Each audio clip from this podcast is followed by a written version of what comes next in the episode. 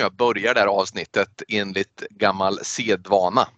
Det vill Ja, ja. säga, hej och välkomna till podden som fruktade solnedgången med mig Niklas. Och mig, Kristoffer. Hej hej! Hej hej! Du, eh, säger man, man säger inte grattis på halloween? Ha en Nej. trevlig halloween! Hej då! Eller hur säger man? Han buar lite, tror jag. Min Mm. son säger att han buar folk ofta. In- Han ger inga burop så här neråt så att det låter negativt utan han går och säger bu! Ah, just det, det är så man gör. Men bu Ja. på dig då i denna trevliga halloweenstund. Bu på dig Niklas. Du, eh, är det någon årstid eller någon högtid eller någon del av året som lämpar sig mycket väl för att titta på otäck film så är det ju runt alla helgona helgen. Ja, nej men det, det är väl ett ypperligt tillfälle att göra. Det är ju också så här att eh, många tar ju tillfället i akt här och ser, vad är det man ser? 31 filmer till Halloween va? Skräckfilmer. Ja, exakt, precis. Nu är det där med knogarna här och räkna antalet dagar och sånt där. Det är inte Mm. min starka sida. Precis som alfabet och räkning så är det inte min starka 31. sida. Nej, men då ska du få höra här nu. Eh, oktober alltså. 30 dagar har november, april, juni och september.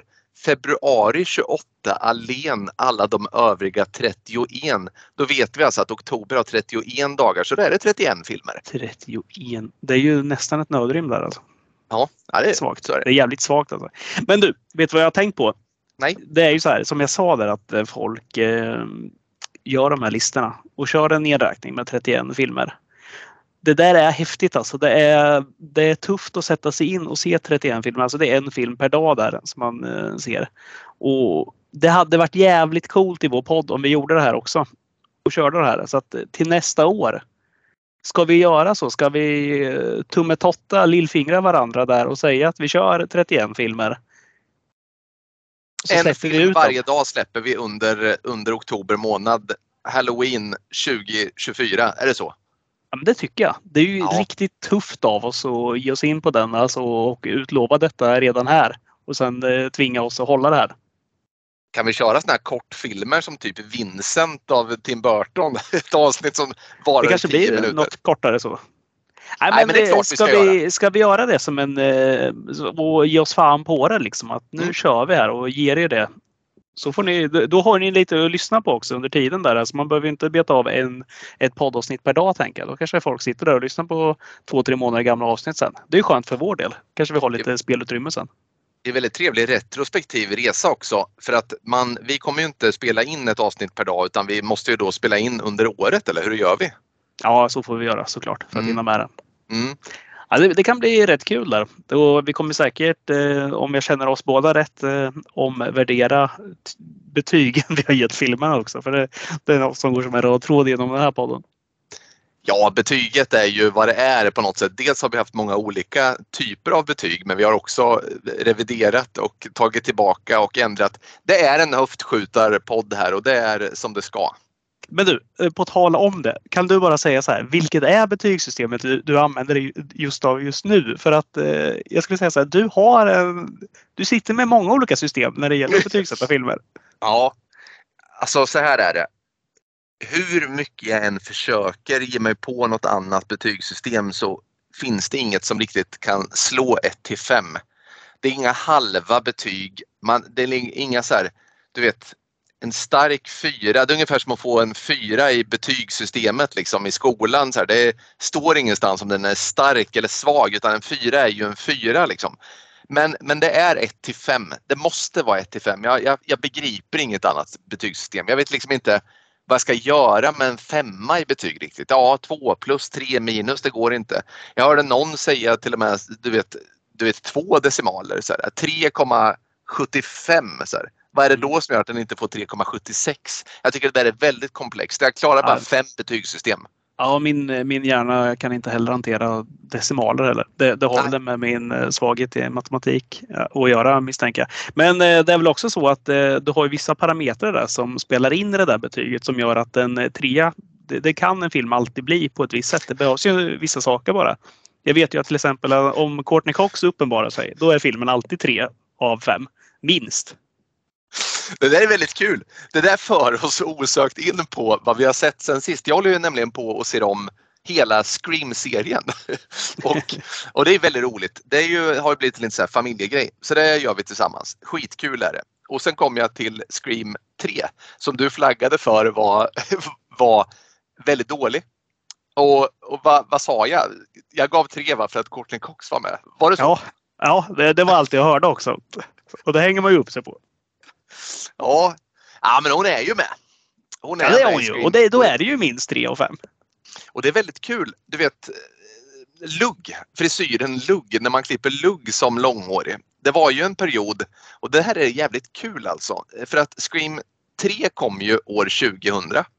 I samma veva fick jag ett klasskort skickat till mig från 2000 då jag gick i tvåan på gymnasiet.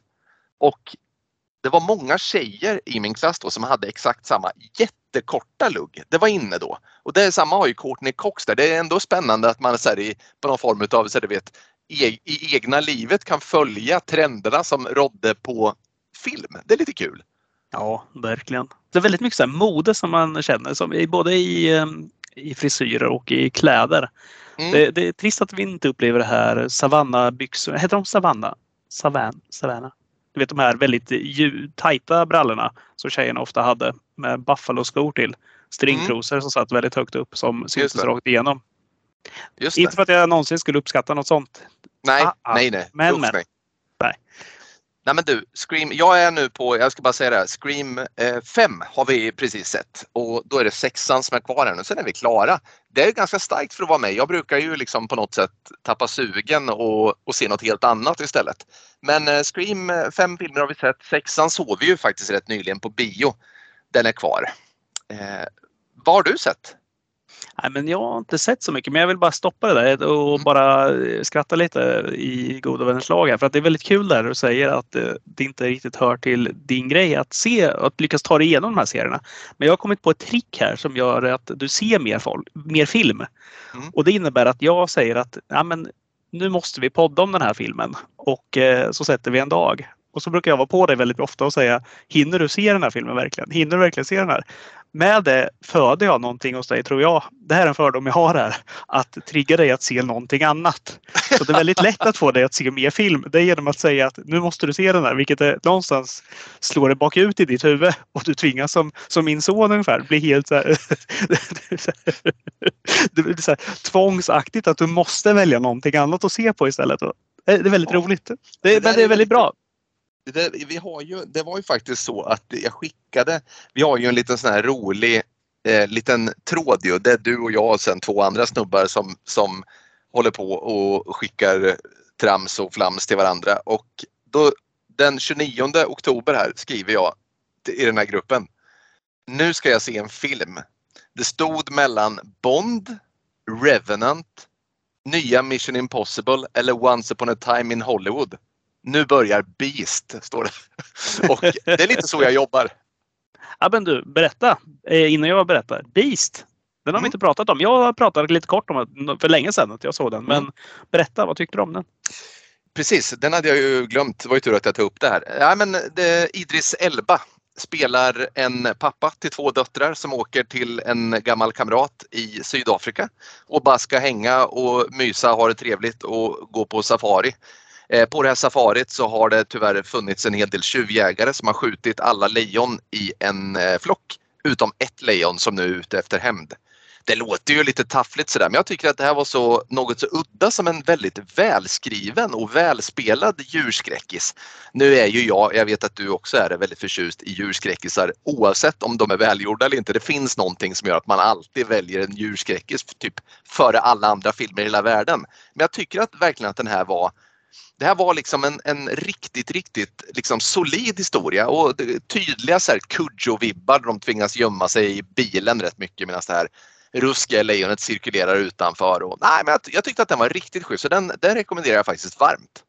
Mm. Ja, men den är, den är bra. Det där lejonet är ju jävligt stort och aggressivt också. Sen har de fått det väldigt snyggt också. Det, mm. det där går väl lite hand med misstänker jag när de lyckades göra mm, Lejonkungen gjorde de någon så här live, säger man så live action animerad Exakt. sak. Mm. Och, och, vilket också blev vrålsnyggt givetvis. Så snyggt så att mm. det nästan blir tråkigt i en sån film. Men mm. eh, i en sån här film så funkar det ju väldigt bra istället eftersom ja. man inte stör sig på att det är eh, dataanimerat. Exakt. Och det, det, är ju halva grejen. Ska du, göra en, så här, ska du ha ett dataanimerat lejon i en sån här film, ja, då måste du antingen välja att inte visa det alls. Eller så mm. ska det vara så pass snyggt så att du inte stör dig på det. Nej, och det var verkligen så. Jag tycker att eh, det var lite, lite, jag har ju sett när man fladdrar förbi på sociala medier ibland så finns det någon sån här snubbe som är någon form av lejonskötare på riktigt som kramas med, med stora lejon. Har du sett det? De liksom mm. hoppar på honom och de brottas och det ser så himla trevligt ut. Så, här. så jäkla snyggt var den i början av filmen där han har ju några lejon som tillhör en, en lite så snällare flock som han mm. är vän med. Så här. Och jag tycker det var skitfina effekter faktiskt.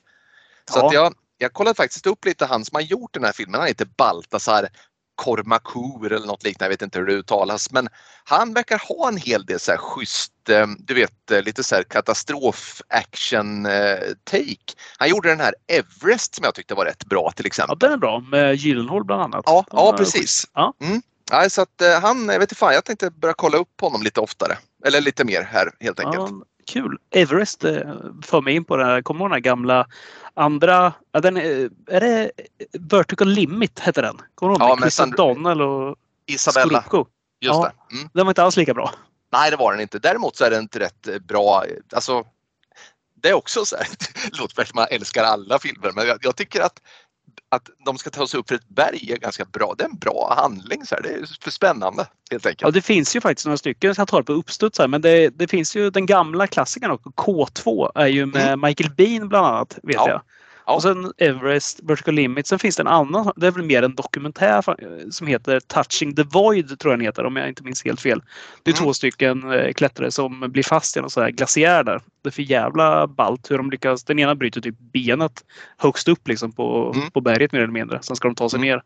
Nej, fan starkt. Det... Riktigt, riktigt bra. Men och sen vän av ordning måste jag också nämna såklart den gamla klassikern Cliffhanger med Stallone. Även om det inte är ett specifikt berg så är det en handling som utspelar sig i bergen eller i bergen med hisnande eh, faktiskt effekter för sin tid också. Jag tycker man nästan får lite så här svindel när man ser den filmen, vilket är ett bra betyg.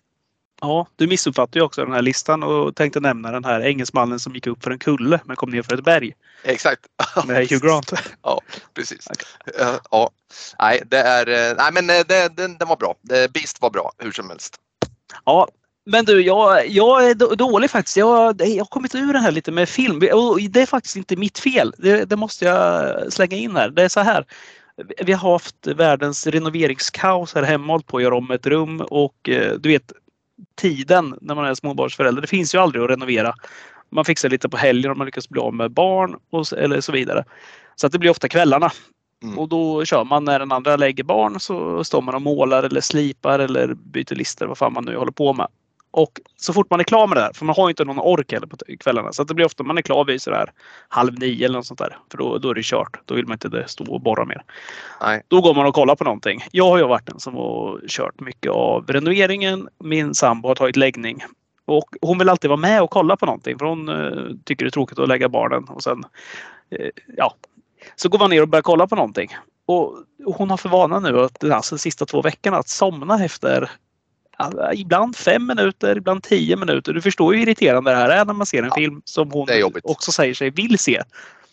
Jaha, men vi bryter för ikväll då älskling så ser vi nästa imorgon. Så här. Ja, nu, nu har hon inga chanser mer. Hon har, eh, hon har förbrukat alla chanser. Så att nu, eh, det har blivit serier istället. Så att jag får, det är lite lättare att pausa i så kan jag kolla på någonting efteråt. Men vi har kollat på den här eh, John Wick spinoffen The Continental med bland annat Mel Gibson i en av huvudrollerna. Den utspelar sig på 70-talet i New York och London bland annat. Det är mm. helt okej okay, så här. Alltså, det är väl också ett ganska tråkigt betyg. Så här. Jag har sett sämre och jag har sett bättre men eh, faktum är att den har jävligt schysst musik, sjukt snygga actionscener. Är det någonting mm. jag kommer komma ihåg eller som är så här gud fan vad bra det här var. Så, nej, det är det inte. Det där faller bort direkt. Mel Gibson överspelar något överjävligt också, vilket är tråkigt. Men mm. eh, ja, ja det, det funkar. Är du Däremot, den största John Wick-konnässören som finns på denna jord? Ja, men, och det, det, ja, det är jag nog. Vet du varför? Jag tycker ju, vi pratade lite kort om det där häromdagen. Men eh, i brist på att jag tycker att det finns några riktigt bra actionskådespelare längre så tycker jag liksom att, äh, men, nu är jag tråkig att säga så här, men jag tycker att John Wick, alltså Keanu Reeves har har anammat det här väldigt bra. Alltså han har tagit, eh, axlat den rollen precis som Jason Statham har gjort. Det är de som liksom har tagit över nu. Mm. Och kanske någon kommer och säger John Cena och de här, men nej, det, det, är det inte. För mig är det inte så. Det är de här som har faktiskt har blivit det, det bästa som finns just nu. Och det säger mm. inte att det är det bästa, utan jag säger det bästa just nu. Så mark my words. Men eh, nej, den här spinoffen kan man, eh, kan man vara, vara utan. Den, den ger ingenting. Det är mer för den som vill ha lite hjärndöda action under ett tag. Men det som är schysst med den är att den är i tre delar. Och varje avsnitt är typ så här 90 minuter långt. Så det är som att se tre filmer ungefär. I see, I see. Ah, men, men det där, vem behöver ja. inte lite hjärndöd action? Det är väl många som behöver. Ja, så är det ju. Sen började jag faktiskt kolla på den här Bodies på Netflix också. Som är någon slags kriminal serie misstänker jag. Någon thriller. Jag vet inte om det ska vara lite sci-fi också. Vi återstår att se. Jag har inte sett så mycket av den men det är ju en eh, någon kommissarie som hittar ett lik i eh, en gränd och så visar det sig att man får se det så här 50 år tidigare. Så har samma lik hittats på samma plats av en annan kommissarie. Då. Och sen mm. ytterligare 50 år bakåt i tiden från det så hittar de samma lik. Nu är alltså, det är inte samma lik som ligger och förruttnar under tiden utan det är liksom i samma skick fortfarande. Så någonting, hur de ska knyta ihop det här blir spännande. Men ja, den börjar bra. Vet man som tittare bara att det är det eller vet någon kommissarie att den här hittades 15, 50 år Nej, tidigare? Nej, ingenting än. Ingenting Nej. än här. Utan det kommer väl antar jag. Det lär mm. de väl eh, få nys om. Men eh, jag gillar det där när man ser samma grej som ska vävas ihop. Liksom. Man ser från olika tidsepoker. Mm. Det är mm. precis som man gillar såna här filmer, du vet, eh, såna här stora som eh, vad fan ska ta, Magnolia eller liknande. Du vet, man följer sju olika människoöden som sen, eller Crash, som sen ska vävas ihop till ett och samma. På något sätt möts alla ja. liksom i... Mm. Så jag gillar det där. Jag gillar mest egentligen hur man får ihop det. För det tycker jag ofta är det som är Ibland är det lite skohornat så här. Jaha, där kom bananskalet och så trillar du in i den där. Men nej, får man ihop det där bra så då är det bra.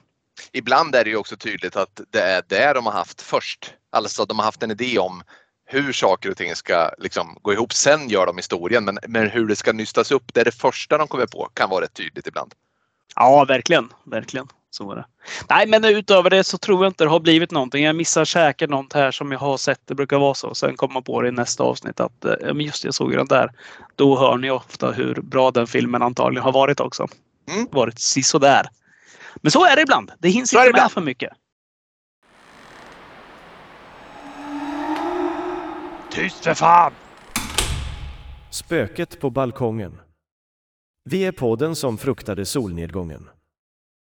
Men du, idag då? Vi ska ju prata om en film som heter A Dark Song.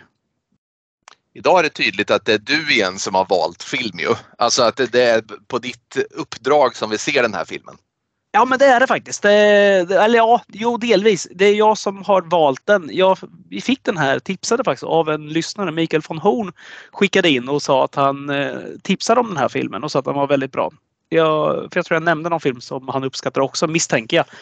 Så att vi uppenbarligen har vi väl lite liknande smak där misstänker jag. Det är ju en sån här Ja men en slow burner liksom. En, och eh, brittisk. Ja, jag har ju sagt det tidigare men fan britterna är duktiga på den här typen av film.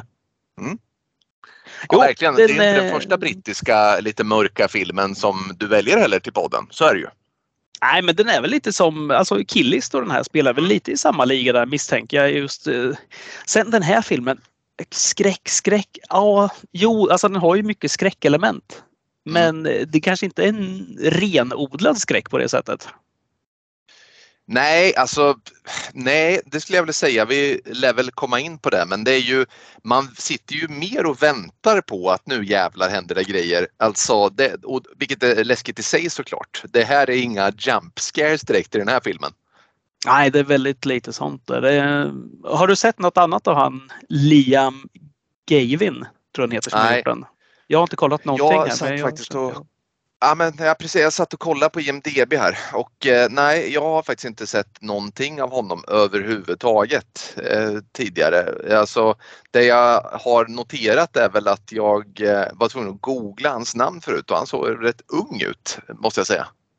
Ja, det, ja men det är väl kul. Om det är kul med någon så här up and coming kille då, som kanske kan eh, bidra med något spännande framöver. Samma sak Mm. gäller väl skådisarna också. Steve Oram och Catherine Walker är de som spelar huvudpersonerna i den här filmen. Jag känner inte igen någon av dem faktiskt från eh, någonting Nej. annat. Och eh, det där är ju ofta en sån här grej när man säger så här. "Jaha, Har vi tagit eh, har vi tagit de som är precis under eh, toppskicket nu? Och så här, Mm. ska vi kolla på något så här, ja men det är väl utan att veta, alltså jag har inte kollat vad de har gjort för stora grejer. Jag bara scrollade igenom snabbt och det verkar vara mycket tv-produktioner. Jaha, har vi en så här direkt från tv nu? Det, ja men du vet, det brukar vara ett snäpp ner i både kvalitet och karisma och allting. Men nej, de här gör inte bort sig. Det här är, det är bra skådisar. Verkligen. Du, eh, kan du ta och eh, ge oss en liten, eh, liten plott här kanske? En medelålders kvinna i sorg som gråter. Av saknaden av att hennes barn aldrig kommer åter. Slår sig ihop med en schaman med bitska repliker. För att smaka på sorgen av att sakna innan hon skriker. Fast i en rituals oändliga gåta måste hon söka för att kunna förlåta.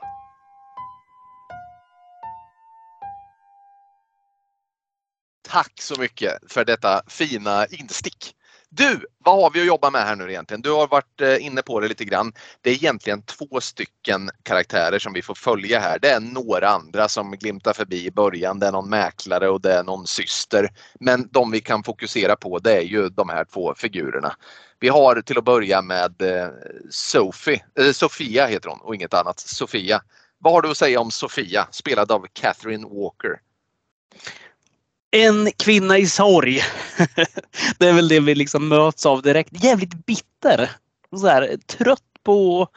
Det känns inte som hon kommer någonstans i livet. Du har kört fast liksom med den här... Ja, men förlorat sin son och bara kört fast där att ska...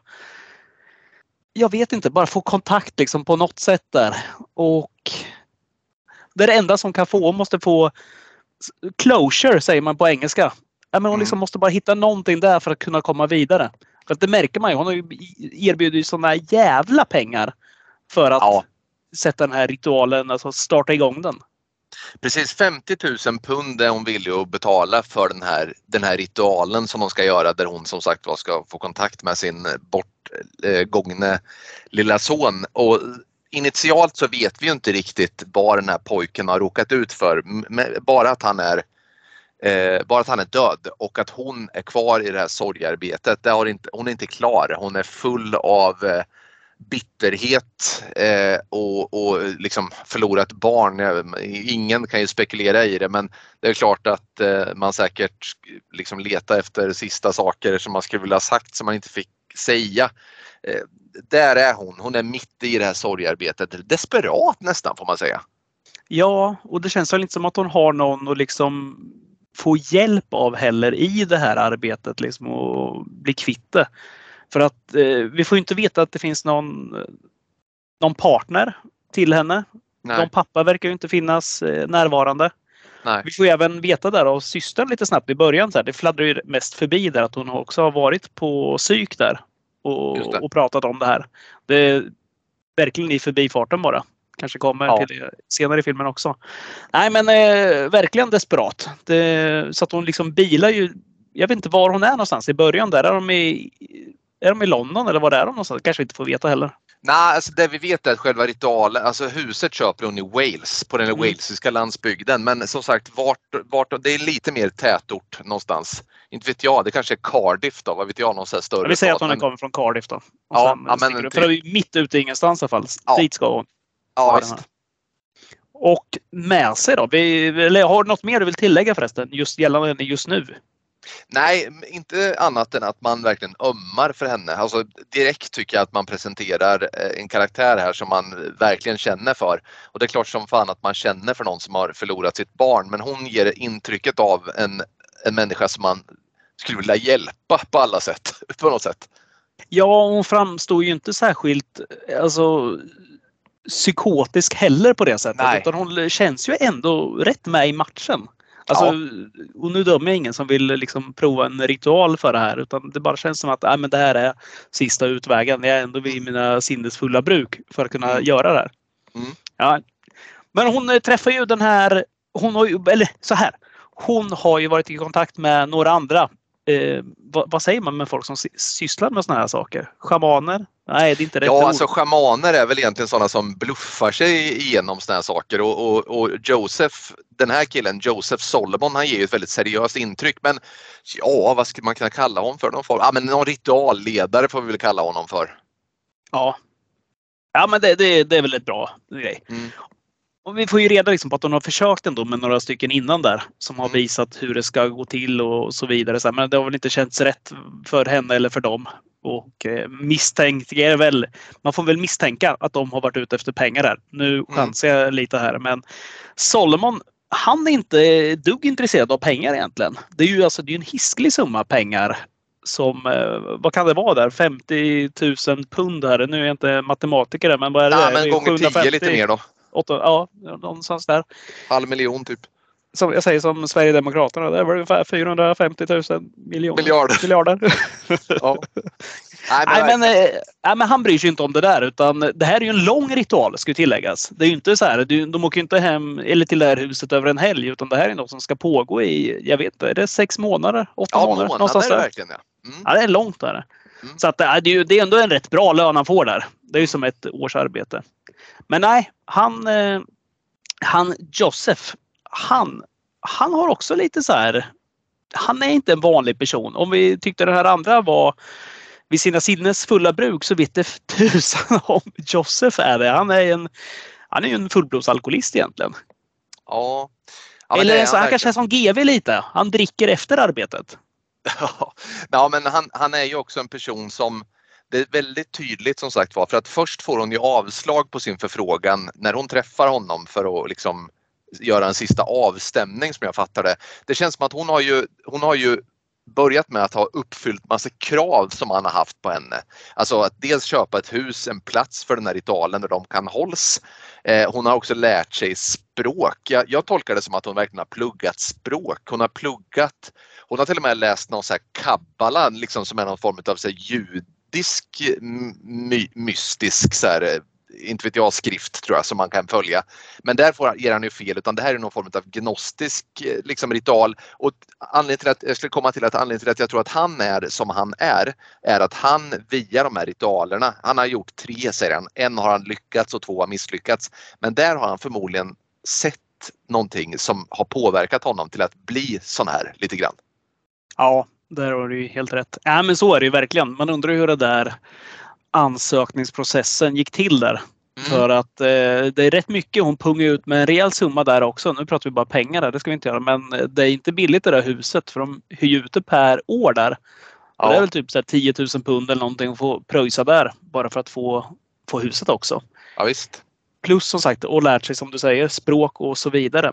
Och det som sägs här är ju att hon har ju berättat för Joseph vad som har hänt här. Men det framgår ju inte riktigt heller. Det blir ju lite gnabb här för att hon har inte varit helt sanningsenlig mot honom. Nej. Utan eh, hon har ju sagt där att, nej men han säger ju det lite kort här att eh, när de eh, pratar att hon, vad det är det handlar om för någonting. Varför hon vill prata med, ja, det framgår inte om den är död eller inte eller om det är en levande person. Men, eh, ja, men eh, For Love säger hon i början. Ja. Ja men precis. Ja, men, och, och det gillar alltså han, och hon får det låta lite som att det är någon, eh, att hon via den här ritualen då vill få en person hon älskar att älska henne tillbaka och det mm. köper inte han som ett giltigt skäl och då spelar det ingen roll hur mycket pengar hon adderar. Hon är uppe i 70 000 pund men det har inte med det att göra. Och det presenterar man jävligt bra i den här filmen. Man förstår att investeringen är inte ekonomisk framförallt utan det här är det, gör man fel så, så kan det här gå fullständigt åt helvete. Det är ju känslan vi får direkt. Ja, verkligen. Han gör ju en jäkligt bra jämförelse där. Nu, nu har jag den inte i skallen här just eh, ordagrant här, men han jämför ju det här med att den här ritualen, om du ska ha det för att det är liksom de du någon du är kär i, om det är kärleksbekymmer, då är det som att be den här, så, ta, så säger han någon sån här renässansartist mm. som liksom, det är som att be honom att, måla, att dekorera en tårta. Det är så, ja, det är så ja, jävla precis. onödigt liksom. Det, mm. det, är inte värdigt. Ja, det, är för stor, det är för stor effort för för lite resultat ja. Ja, och det säger han så jäkla bra där. För han sätter, då tycker jag redan där att vi får den här, ja men han, han står liksom över hennes pengar och han liksom, det är han som sätter reglerna direkt vad som gäller. Och det där gillar man ju med honom direkt, eller jag gör det. Jag tycker det är härligt, så här, man känner direkt så här, för annars är man ju ofta i en sån här film och tänker så här, ah, nu åker de på en solovårare eller någon som ska lura henne totalt på alla sina mm. pengar. Men redan där, han är så här, men jag, jag går härifrån. Du, eh, det här är inte värt min tid. Du, och så han, eh, ja, för de möts ju inne in i den här Cardiff-stan då, eller vad det är. Mm. Och så står han och väntar på tåget för han säger nej men du har, du har fixat ditt hus och allting. Men nej, det här räcker inte. Det, det är någonting som är fel. Det är något som skaver. Mm. Och så ser man det, räknar ner det är tre minuter kvar till det här tåget kommer. Och då hostar hon ur sig liksom att nej men det är för min son som jag har förlorat. Ja. Han är död. Det är han jag vill prata med. Precis. Och där vänder det ju. För att det är något vi kommer återkomma till den här ärligheten som, ja. hon, eh, som man måste ha för de här ritualerna. Mm. Vi, vi, ska inte gå djupare på det redan nu tänker jag, utan vi kan väl ta det senare. Men där märker vi att han, Joseph, han, där får ju han en annan inställning till henne direkt. Mm. ja men precis. Och, ja men exakt. Och han, då är det ju, det är ju, jag menar liksom få en gammal käresta att älska en tillbaka eller att komma i kontakt med sin bortgångne son. Ja, det är en annan typ av allvarligt inslag där som han köper då och de ger sig av till landsbygden och, och det är, det är, ehm, ska vi, för det där för oss lite in, innan för den där ritualen kommer vi behöva stanna vid. Jag tänker att vi kan prata lite om miljön där. Det här huset, vad tycker du om det? Huset är ju enormt till att börja med. Det är ju sånt mm. där apstort hus. Det är lite som det känns lite som herrgården i Skyfall. Eh, bara för, nej, riktigt så stort är det inte, men det, det är jo, väldigt typ. stort här. Ja, men det är ju riktigt stort. Och nu, nu är jag dålig här på på den walesiska miljön här, men det är ju väldigt eh, närbesläktat med den, eh, de skotska högländerna. Alltså det är ju mm. identiskt egentligen. Vi har moln som tornar upp sig, regnmoln, vi har stora berg, djupa dalar, sjöar som ligger utanför och eh, det är väldigt kalt liksom överlag där ute. Mm. Väldigt ensligt. Ett ställe som du, det skriker ensamhet på att här kommer du inte få besökare. Nej, och det ligger väl lite i linje med vad de är ute efter också. Ja, verkligen. Nej, men det där huset är ju så här gammalt, knakigt, eller kn squeakande gammalt mm. hus som ett så mm. riktigt spökhus. Utan att vara liksom så här, det, det filmas inte på det sättet som att det skulle kunna vara ett sånt hus egentligen. Utan det, det läggs ingen vikt vid det. Det är bara, det är bara gammalt. Ja, verkligen. Ja, men, och stort som sagt var. Stora lokaler, knarrande trappor, många rum. Och eh, ja, det är ett ställe som eh, ja, det känns olycksbådande. Det, mer olycksbådande kommer det kännas men redan innan ritualen så känns det som att eh, ja, där hade man väl sovit med ett öga öppet så att säga om man övernattade. Ja, verkligen, verkligen. Ja, men det där det för oss väl mot ritualen. Ja, jag tycker väl nästan biten. vi får börja. Mm. Ja, för att eh, du var inne på det där med antalet rum där och rummen ska ju spela en väldigt stor roll här får vi ju veta för att varje rum, eller jag tror vi har en, två, tre, fyra, fem rum eller något sånt där som mm. är de som måste användas. Och det mm. förstår vi väl någonstans att det är det här som gör att hon har letat hus så länge. Att det mm. måste finnas ett visst antal rum. Det är väldigt viktigt att vissa rum eh, vetter åt väst också för att kunna genomföra den här ritualen. Mm. Och ja, vi, ska, vi ska ju avskärma oss från eh, riktiga världen också genom att strö, ja det är väl salt som vanligt antar jag? Ja. Runt hela huset i en slags cirkel. Ja, någon form av barriär som eh, när den är fullständigt sluten så finns det ingen väg tillbaka.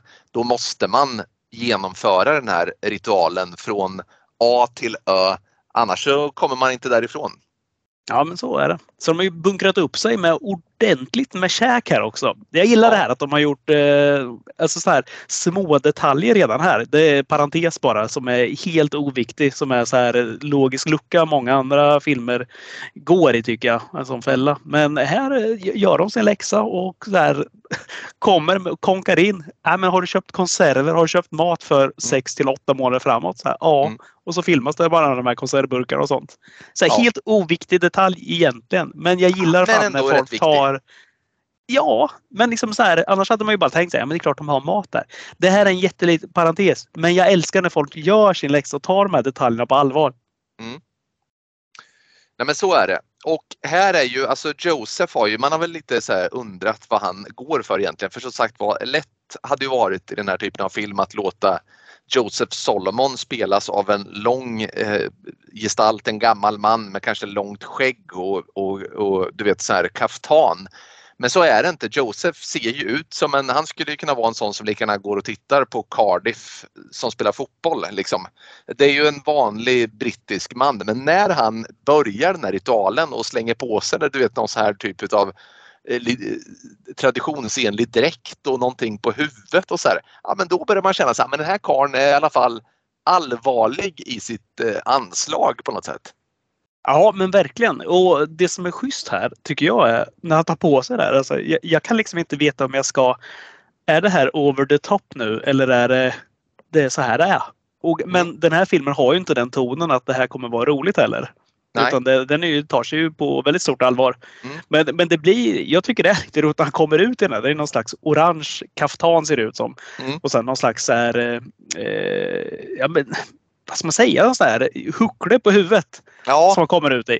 Och det ser liksom så här, bara vid första så här, börjar man fnissa nästan. Sen direkt så blir man ju allvarlig för att han är ju otroligt verbal och väldigt så här dominant ja. mot, mot henne direkt. Så att eh, man förstår, det, det är faktiskt inget roligt här. Utan så här är det. Nej precis, han är eh, som sagt, han är ju om man någon gång så här långt i filmen har tänkt tanken att han ska bluffa med henne så tycker jag att där släcker de alla sådana möjligheter. Alltså för att han är väldigt allvarlig, han är väldigt hård och som du säger dominant. Han svär åt henne och liksom nästan så hänger ju näven i luften sådär ju. Ja, verkligen. verkligen. Och det, vi får väl det ganska bra presenterat för oss också att för att genomföra den här ritualen som pågår så pass lång tid så måste du liksom vara hundraprocentigt investerad. Det finns liksom Mm. inte så här, du kan inte ducka någonting. Minsta lilla måste du lyfta med honom för att annars, ja, men annars kommer det inte funka. Det liksom, och, och det där gillar jag också för att direkt så här, när hon, hon tar lite sovmorgon där, liksom redan första eller andra dagen, eller hon vaknar inte av alarmet. Då växer hon ju av att han kommer in och kastar en stor iskall, vad jag antar, stor Ja. så här, eh, hink med vatten på henne och bara Du missar det här, så funkar det inte. Nu kommer du upp och så kör vi igen. Så direkt, så, mitt i natten växer hon och får sitta i badkaret och så vidare. Ja, det, han är benhård där. Och det här är ju en ritual som som sagt var de är inne på att det här är någon form- alltså de har ju, det kanske är värt att ta upp. Han ställer ju frågan till henne innan de åker om hon är protestant eller katolik. Hon säger att hon är katolik. Och sen så släcker han ju liksom för att hon är inne på att det här är någon form av judisk ritual som sagt vad de ska göra. Men han är väldigt tydlig med att det här är något helt annat. Det här är gnosticism. Men det känns verkligen som att de har dammat av någon sån här, när den här ritualen börjar med, det känns ju som att den här följer en given struktur som de inte bara har hittat på utan jag känner så här, jag tyckte alltid att de här lekarna, du vet anden i glaset och sådär när jag var liten, jag, jag var väldigt rädd för den där typen av lekar. Och likadant känner jag när jag tittar på den här filmen, att det känns som att man är med om något som man inte ska hålla på med hur som helst. Det känns som att den här ritualen hotar tycker jag. Jag tycker det känns hotfullt hela vägen. Ja, men du, du är nog inne på rätt spår. Där. För vet du vad jag gjorde precis innan vi körde igång här? Så var jag tvungen att dra en liten googling på det. För jag, jag sa ju till dig redan igår, vi pratade lite kort om filmen bara Mm. direkt efter. Så sa att det, det känns som ett jävla hopkok, precis som du säger, av Mm. en massa olika saker. Och det Mm. känns som att det måste finnas någonting. För det känns som det kommer mycket metaforer mot alla religiösa skrifter och så vidare. Mm. Utan att jag kan något om det. Så jag var ändå tvungen att googla lite så jag tänkte så här, men någonting måste finnas på det här. Men då verkar det finnas något som heter den här Abramelin boken, du vet som Alistair Crowley Ja. eh, höll på med. Den Den nämnde he- de ju också. Ja, exakt. Hela den här ritualen kommer från den boken och det är tydligen en ritual som faktiskt har genomförts flera gånger i verkligheten också. Eh, jag, läser upp lite delar ur den så får du kolla liksom vad som stämmer överens där. Eh, man förbereder ett bönerum. Ja, det gör man väl i alla ritualer. Inget konstigt där. Nej. Rökelser, polerade silverplåtar, så vidare. Vilken riktning ditt rum vänder sig mot. I den här filmen är det ju väst. Eh, det ska tydligen vara mot öst annars. Mm. finns väl lite tolkning på det där. Sen ska du stiga upp varje morgon i antingen två eller sex månader beroende på vilken version av den här ritualen du tänker utföra. För att be och bekänna dina brister. Och de här andra månaderna så är det två gånger om dagen och så vidare. Så ändras det lite så här hur många gånger det är. Men sedan i slutet så är det en stor eh, en slutlig rening då. Det är ju själva finalen där du får uppleva en ängel som kommer som du ska kunna prata med. Mm. Eh, så det är ganska likt det här egentligen. Allting ja, det här. Det ska ju vara något så här att för vissa människor så ska det här kunna vara någon slags fysisk upplevelse. För vissa människor är det mer en så här schamansk resa kanske där man eh, ja, ser till sitt in, sinne då, alltså ser sitt inre. Men mm. det där är väl lite olika vad vi tror på och hur det funkar, vilket skick man är i, både fysiskt och mentalt misstänker jag. Mm. Eftersom den här ritualen lär sätta en viss prövning på både din fysiska hälsa och din psykiska hälsa framför allt. Men i vilket fall så Alistair Crowley ska, alltså om ingen vet vem det är så är det av vissa kanske ansedd som världens ondaste man. Han kan man läsa lite om. Det finns mycket intressant. För alla som gillar skräck gillar nog att läsa om Alistair Crowley misstänker jag. Han ja, sägs alla våra fans kan ju också lyssna på Mr Crowley med Ozzy Osbourne såklart också. Ja, men verkligen. Mm. Ja, men eh, det där gillar jag. Jag gillar att man tar en sån här sak från verkligheten. Jag tycker det är tufft alltså att eh, man ger sig in i den banan. Och jag måste säga där bara att det är ju självklart korrekt att kalla honom schaman. Jag tänkte på, du vet när jag sa att eh, sådana som gör det här utan att ha täckning för det, ordet jag sökte var charlatan. Det är inte det han är utan han är ju helt enkelt en schaman. Och det är nog rätt ord för den här mannen. För som sagt var, den är ju influerad den här ritualen av mycket. Det är en okult ritual känns det som men det, den är också eh, Ja, det känns som att den innehåller en del eh, hämtat lite här och därifrån. Ja men så är det väl med de här mm. okulta böckerna. Alltså det ska komma ja. från lite olika ja, religioner. Ja, men, mm. Och som sagt, helt utan täckning för att kunna något om religion sitter jag här och säger såna här saker. Så att, eh, hör inte av er om det, för jag vill inte läxas upp där. Nej, fast samtidigt så här, vem vet något om något här egentligen? Utan det är väl, det är väl liksom, eh, jag tycker det är det som är, det är det som är grejen också. Alltså det är också därför som det här med den här typen av mystika liksom fenomen görs jävligt bra på film är ju att det är ju ingen som kan säga så här, nej men så där funkar det inte. Så här, vad vet du om det? Så det finns ju ingen som vet. Alltså det är ju det, är det som är det fascinerande här. Liksom. Mm, ja men verkligen. Men du den här ritualen då? För att det är ju så att hela den här filmen, eller mer eller mindre, jag skulle säga två tredjedelar i alla fall, mm. utgörs just av den här ritualen. Mm. Och jag, jag, skrev lite kort här till dig innan, eller det är, ingen, det är, inte mina ord, men att det är en slow burner till film. För att det är det mm. verkligen. Det här rusar vi inte på i något tempo utan det här är, det här är långsamt. Ja, alltså filmen är väl runt 1.40 har jag för mig och eh, alltså i stort sett hela filmen är eh, att vi tar oss igenom den här okulta gnostiska ritualen. Och jag förstår alltså att det, det, kanske inte låter som, som det mest fascinerande man har varit med om men faktum är att man är fullständigt trollbunden för det är jäkligt mycket otäcka element här alltså i den här ritualen. Ja det är det och eh, vi kan komma till dem också de här. För jag tänker också just att när man har på film alla sådana här ritualer. Det görs mm. ju ofta, alltså vikten i skräckfilm och ritualer läggs ju ofta på effekten, alltså vad som mm. komma skall av ritualen. Inte mm. själva ritualen i sig. För Nej. den är ganska oviktig. Vi har till exempel det här Ouija-bräden som ofta dyker upp. Mm. Där är det ofta direkt så här, men de drar, de drar ett snäpp åt höger, ett snäpp åt vänster. Så vet vi att tredje gången de rör det här glaset så kommer det börja röra sig av sig själv. Det står skrivet, mm. så är det alltid. Ja, visst. Samma sak liksom när, när man kör andra såna här seanser. Det är alltid, det, på tredje försöket så händer det alltid att någon börjar prata eller så vidare. Ja, här är det inte riktigt så utan det tar Nej. sin tid. Det är ju så lång tid att det, det tar, liksom, hon börjar ifrågasätta det här mer och mer. Ja, verkligen. Och, och, och, och tecknen som eventuellt kommer, ja men det är någon liten sådär du vet blomma som har blåst in. Eller så här, det är no, någon liten extra knackning någonstans, något avlägset så här, någon viskning. Det är omöjligt att veta liksom om det är i hennes huvud eller någonting som faktiskt sker bara. Mm. Vi vet ju att hon är lite påläst. Alltså hon är ju en, eh, en ren eh, nybörjare på det här. Hon har ju gjort sitt jobb och läst tyska och läst franska och sen läst på om den här. Hon vet ju mm. på ett ungefär liksom vad hon kan förvänta sig. Alltså mm. vid maximal utdelning känns det som. Yep. Sen har vi ju då Solomon som eh, han har ju gjort det här tre gånger i alla fall.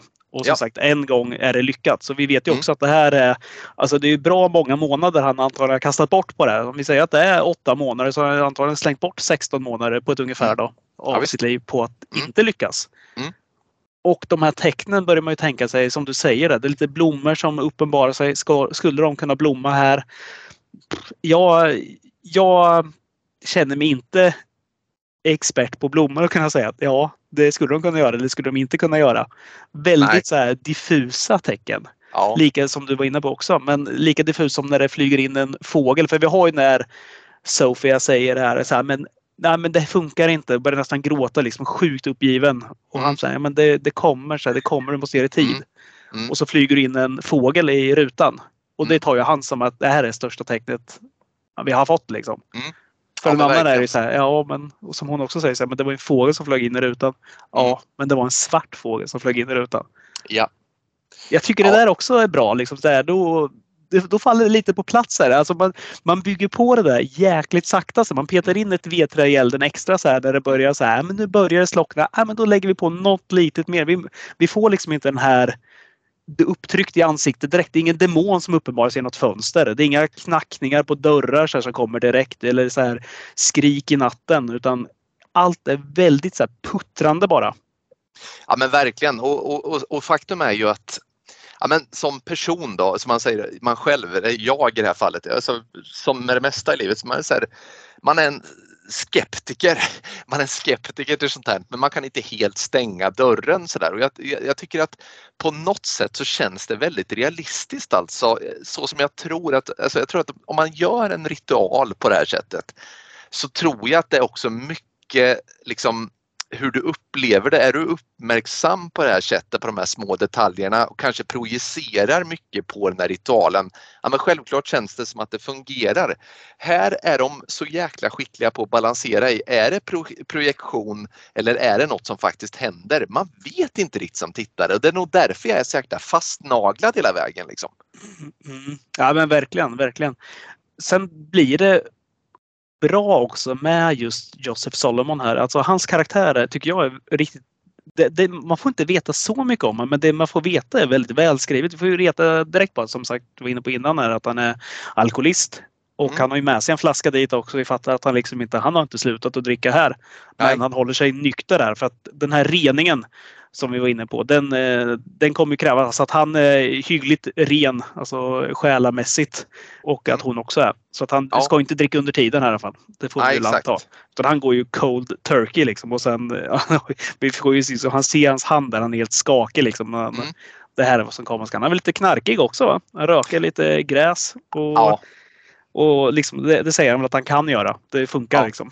Men ja, eh, han har ju sett skit också. Det är det vi ja. får veta. Liksom, att hon, det gillar man ju väldigt mycket där. Mm. Precis som, att, precis som i, i eh, många så här snutfilmer, du vet, när man har den här luttrade gamla kommissarien som säger men jag har sett för mycket värld. Jag har sett all mm. ondska som finns här. Jag, mm.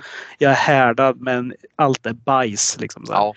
Och där har vi ju han istället som bara ja. så men jag har gjort det här tre gånger och frågar så här, vad har du sett för något? Så här, men jag har sett andra världar, jag har sett gudar, jag har sett änglar, jag har sett demoner. Ja. Och ja, men han gillar ju inte det. Det är därför han dricker. Och jag gillar också det där att de säger att eh, de allra flesta är demoner. Men några är änglar. Det låter också olycksbådande tycker jag. Det är större chans att du får med, med demonerna att göra liksom. Ja men precis. Och eh, han, eh, han anser ju sig ha att demonerna räds honom. För att Mm. han har ju så mycket kunskap där. Han är ju väldigt påläst och Mm. duktig på att eh, skicka iväg dem. Han är ju inte Max von Sydow här som skickar iväg dem eller, eh, Nej, det är något helt annat. eller Ed Warren. Liksom. Nej, Nej. De, de, de spelar en klass för sig. Han är Ja. snäppet under här skulle jag säga. Ja, men- alltså, det är eller ja. värdigt här. Ja, ja, ja absolut Ja. mycket mer trovärdigt. Det jag gillar väldigt mycket det är ju det här i början för den här ritualen. Det glömde vi nämna nämligen. För att hela eh, premissen med ritualen är att hon ska få prata med sin eh, förlorade son.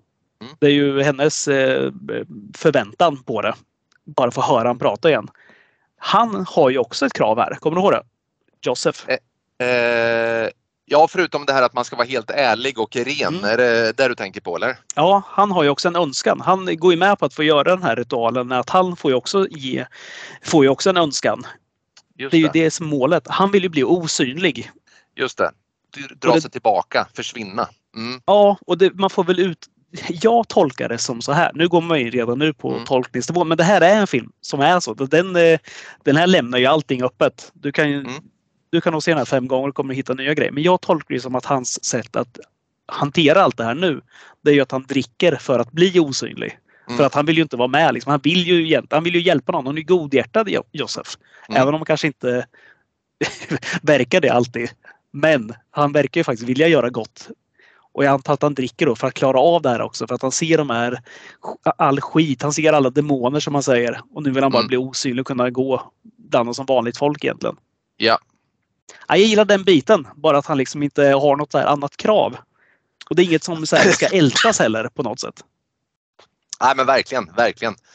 Nej men och, och det är kul. Alltså, jag har fastnat lite i det där med hans krav på, för att det är ju så att hon fr, från början här, damen, hon är ju inte, Sofia, hon är ju inte helt ärlig utan hon eh, säger att hon vill prata med sin son. Men hon bär också på den här motivet med att göra den här ritualen är att hon också ska få hämnd på de som har tagit sonen. Vi får veta där att det är ju någon form av ritualmord i ett an, en annan form av okult ritual som den här pojken har blivit dödad och hennes mål är att hämnas på de här via den här ritualen. Och det Mm. tycker jag är, då trappar filmen upp på ett mycket spännande sätt för då inser, då, bli, då, blir, ju, då blir ju Joseph vansinnig på henne. Mm. Ja men precis, då har hon ju ljugit en gång till eller fart med osanning åtminstone. Mm. Och eh, det gillas ju inte. Nej, Det, måste men det, det, jag vill bara säga där också, du ska få ta det vidare givetvis. Men jag gillar den, den twisten som kommer där. Att hon säger det här. Dels eh, vet vi att hon inte är helt renad då, för att hon ljuger. Men det föder ju också, eller hos mig gjorde det i alla fall, det födde ju tanken Ah, den här Joseph Solomon, är han inblandad i det här nu? Är det han som de här, han har gjort två eller tre sådana här ritualer, två gånger har det inte funkat. Hmm. Mm. Okulta ritualer, barna, barnarov, du vet någon som har offrat. Fan, är det Mm. en sån här film? Ska det vara han nu som har haft ihjäl sonen på något sätt? Att nu, nu ligger han illa till i det här hemmet när hon nu kommer ta hämnd på honom. Nej men exakt, det är ju verkligen den känslan man får.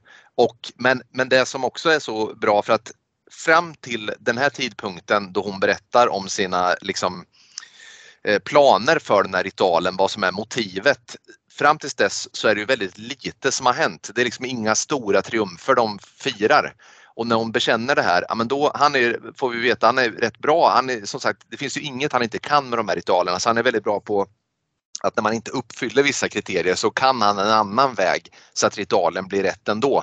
Och här måste hon ju döpas på något sätt. Det är ju någon form av, av parallell, ganska given parallell till ett, till ett dop, att hon tappar upp ett bad och sen så ska han då eh, vad heter det, eh, döpa henne i tre stycken liksom Alltså hon knuffar ner henne i vattnet, håller ner henne under vattnet och sen den sista delen då måste hon omslutas av the great void. Och det där med void är så jävla obehagligt såna här ritualer för det är ju den stora liksom, ja, den, när det är tomt, the void liksom. Och, och, och där, där så såg man ju extra så här grejer i Joseph. Han är en väldigt så här skrupelfri person när det kommer till att genomföra de här ritualerna för där dödar han ju henne tillfälligt även om han väcker upp henne sen så där låter han henne verkligen, verkligen eh, dö. Mm. Ja, det var brutalt. Mm. Där, där var jag tvungen att kolla på klockan och tänkte så här.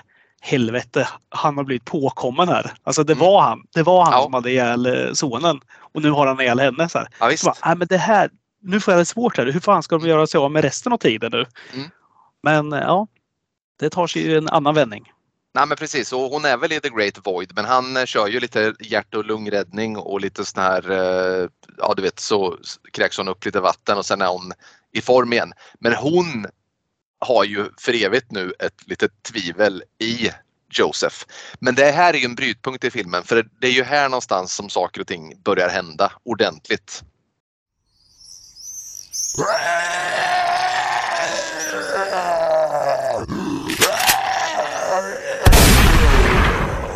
Podden som fruktade solnedgången, zombieviruset i dina ådror. Det är nu vi kommer till eh, knackningar på dörr. Vi börjar ju höra sonens röst. Mm. Och det här, det här, nu blir det ju, det är nu vi egentligen får, jag skulle säga att vi får vårt riktigt, alltså vi får transa- transaktionen, trans, det, vi får övergången till, från att ha gått från ett mörkt drama kanske mer till renodlad skräck. För det här blir Mm. det ju skräckfilm av det. Mycket Ja, mer. det är vi har det. det är fortfarande en väldigt psykologisk skräckfilm. Men vi Mm. börjar höra de här rösterna, alltså sonens röst som eh, på distans till en början. Mm. Som att väldigt långt borta. Som Ja, ropar lite på mamma, eller vi vet inte riktigt vad han ropar. Vi, och hon har ju sina drömmar samtidigt också. Mm. För vi vet ju inte riktigt. Eh, jo, vi har ju fått reda på att det var den här eh, satanist, eller den här ritualen, den ockulta ritualen som han har blivit Mm. offrad i på något sätt med sonen. Men vi har ingen aning om vem som har gjort det. Nej. På något sätt. Utan vi vet ju bara att hon vill egentligen ha reda på det nu. Vem som gjorde det här. Mm. Och hon ska straffa dem.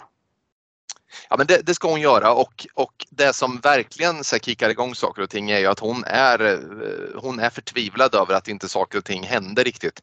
Hon knuffar Joseph också, det är ju värt att ta upp. Joseph får en kniv genom liksom, sidan av magen ut på framsidan av magen. Och det är en ganska smärtsam scen, de drar ut det där och syr ihop och tvättar med lite whisky. Men medan hon verkligen börjar få de här upplevelserna av att en pojke pratar till henne då genomgår ju Joseph en rätt allvarlig blodförgiftning också så att han kan inte finnas där och stötta henne på samma sätt heller. Nej. Det är där du nämner den där scenen med kniven, alltså, den är riktigt obehaglig. Ja. att, eh, det, finns, det finns knivhuggarscener i filmer Mm. och så finns det knivhuggarscener. Och den här är, den är inte jättegrafisk egentligen, alltså när han får den här. Utan han, liksom, hon knuffar honom, han, av en olyckshändelse liksom, så fastnar han på kniven. Den går rakt igenom sidfläsket på, honom, Mm. på magen. Och det, men det, det är en sån här riktig jävla förskärare. Det är inte en liten skitkniv som sätter sig utan den går Nej. rakt igenom liksom. Och bara pe- petar ut. Och det är så här. Det är så, eh, det är så realistiskt det där såret också. Mm. Som, eh, som kommer då. Han ber en bara liksom dra ut den, hälla på whisky. Och det, det, fan, det gör ont i mig bara jag ser det där. Och han säger också, han tar ju det här som ett tydligt tecken på att det är nu, nu händer det grejer i ritualen. För att på något sätt så är det ju så. Det är ju inte trovärdigt att med vanlig naturlag knuffa någon på en diskbänk där det ligger en kniv längre in på diskbänken och den vänder sig om och hamnar rakt genom kroppen. Det finns liksom inget motstånd. Därför så finns det lite så här övernaturlig symbolik här känner jag. Som man också köper som en start för ritualen. Ja, verkligen. Han är ju inne på att det det är din Guardian Angel som uppenbarar sig liksom, som räddar dig här. Som, Mm. eh, inte för att hon skulle dö där, men eh, som ändå är på din sida som vakar över dig. Mm. Och som hjälpte dig här. Mm. Så att ja, han, han tar det ju inte som något negativt direkt där. Nej. Utan han är bara, han köper läget så här. Yes, nu är Mm. vi igång. Nu, nu Mm. händer det på riktigt. Ja. Men det blir ju jävligt otäckt här direkt. Alltså. Det, vi har de här rösterna som sagt som pratar. Vi har en hund som skäller som kommer allt närmare och närmare. Joseph nämner ju den där hunden några gånger. Så här, har du Ja. hört den där hunden? Det borde Mm. inte finnas någon här. Vi är mitt ute ingenstans. Exakt. Men den där hunden kommer närmare och närmare och den här rösten kommer också närmare och närmare. Så till slut sitter hon ju där liksom med ryggen mot dörren och vi hör liksom att det krafsar. Det, det gläfser. Mm. Och vi hör den här pojkrösten som Mami, mami. Ja, och det är, det är hjärtskärande. Alltså som, Mm. som småbarnsförälder så är det jävligt jobbigt att se det där. Jag vet fan, jag har Mm. aldrig varit så där känslig för sånt där innan. Men sen man fick barn så har det blivit en annan grej där. Vi, Ja, ja. vi får ju ganska, veta redan här vad som har hänt på ett ungefär där. Att, eh, vi, kan, vi, vi spoilar ju allt i den här podden Ja, så det är ingen, inga hinder där. Men vi får ju veta att hon inte har... Eh, han har blivit tagen från förskolan. Eller Mm. dagis, daycare säger de. Så Mm. dagis får vi kalla det. Nej, men, eh, hon har inte hämtat han på utsatt tid så någon på något sätt har väl någon hämtat henne och det är fan en av mina värsta mardrömmar är fan det att det ska hända att någon så här icke-behörig person ska hämta mina pojkar liksom från Ja. dagis. För att Ja, jag, jag vet liksom hur jävla lätt det är att bara gå in där. Att ingen märker att man skulle ja, men plocka dem och sen gå ut. Liksom. Det, det skulle inte märkas vissa dagar. Nej, verkligen. Och det där är, är det är riktigt jävla mardröm. Och sen den här också att hon, hon har ju sån jävla skuldkänsla. Mm. Skuldkänslor för att Mm. det vi hör pojken säga är ju eh, Why weren't you there? Mm. Och hon säger I'm so sorry, I'm so sorry. Och så säger han Mm. Were you with that man again? Och då Mm. fattar vi ju så här, ja, men hon har väl tullat på tiden. Hon har väl eh, haft någon affär eller Ja. på något sätt varit iväg liksom och gjort, satt sig själv före barnet. Ja, Och det där är, det äter ju en. Alltså det, fan, det, Ja. det är ångest. Det är så jävla mycket ångest i den här filmen. På, Mm. Och det där är otroligt snyggt gjort alltså. För att det, Mm. det äter på en utan att det... Det brukar du ofta säga, så här, det får inte bli för mörkt. Och den, här, den här balanserar på helt rätt sida här. Det blir jobbigt. Det blir jättejobbigt tycker jag att Mm. höra det där. Men samtidigt så filmen går inte åt det hållet så att det blir mörkare och mörkare där. Det kommer ljus också som tur var. Och det gör den väldigt bra men just där är det väldigt ångestframkallande. Ja men det är det ju och det är ju, man förstår ju att ångesten, man förstår ju att hon tar till varje medel som hon finner för att på något sätt få förlåtelsen för det här eller på något sätt liksom ja, på något sätt ta sig framåt ifrån den här vidriga situationen som hon är i. Men det är hjärtskärande för att hon förstår ju ändå samtidigt att det här är inte min son som pratar från andra sidan dörren. Eh, utan det här är någonting annat och som sagt vi har varit inne på demoner eh, och det är väl ett klassiskt grepp i film att demoner utger sig för att vara någon som de inte är för att komma nära så att säga. Ja men precis. Sen är det ju jävligt snyggt där också med att vi har det här huset som är helt förseglat av eh, den här sandcir- eller saltcirkeln runt om. Mm. Så att vi, det blir ju, vi pratar ju ofta om kammarspel och det blir ju ett litet kammarspel det här också där. Eftersom Ja. vi befinner oss i det här huset. Så att hon sitter liksom bara, det enda vi har emellan där är ju den här, ja, den här tunna dörren.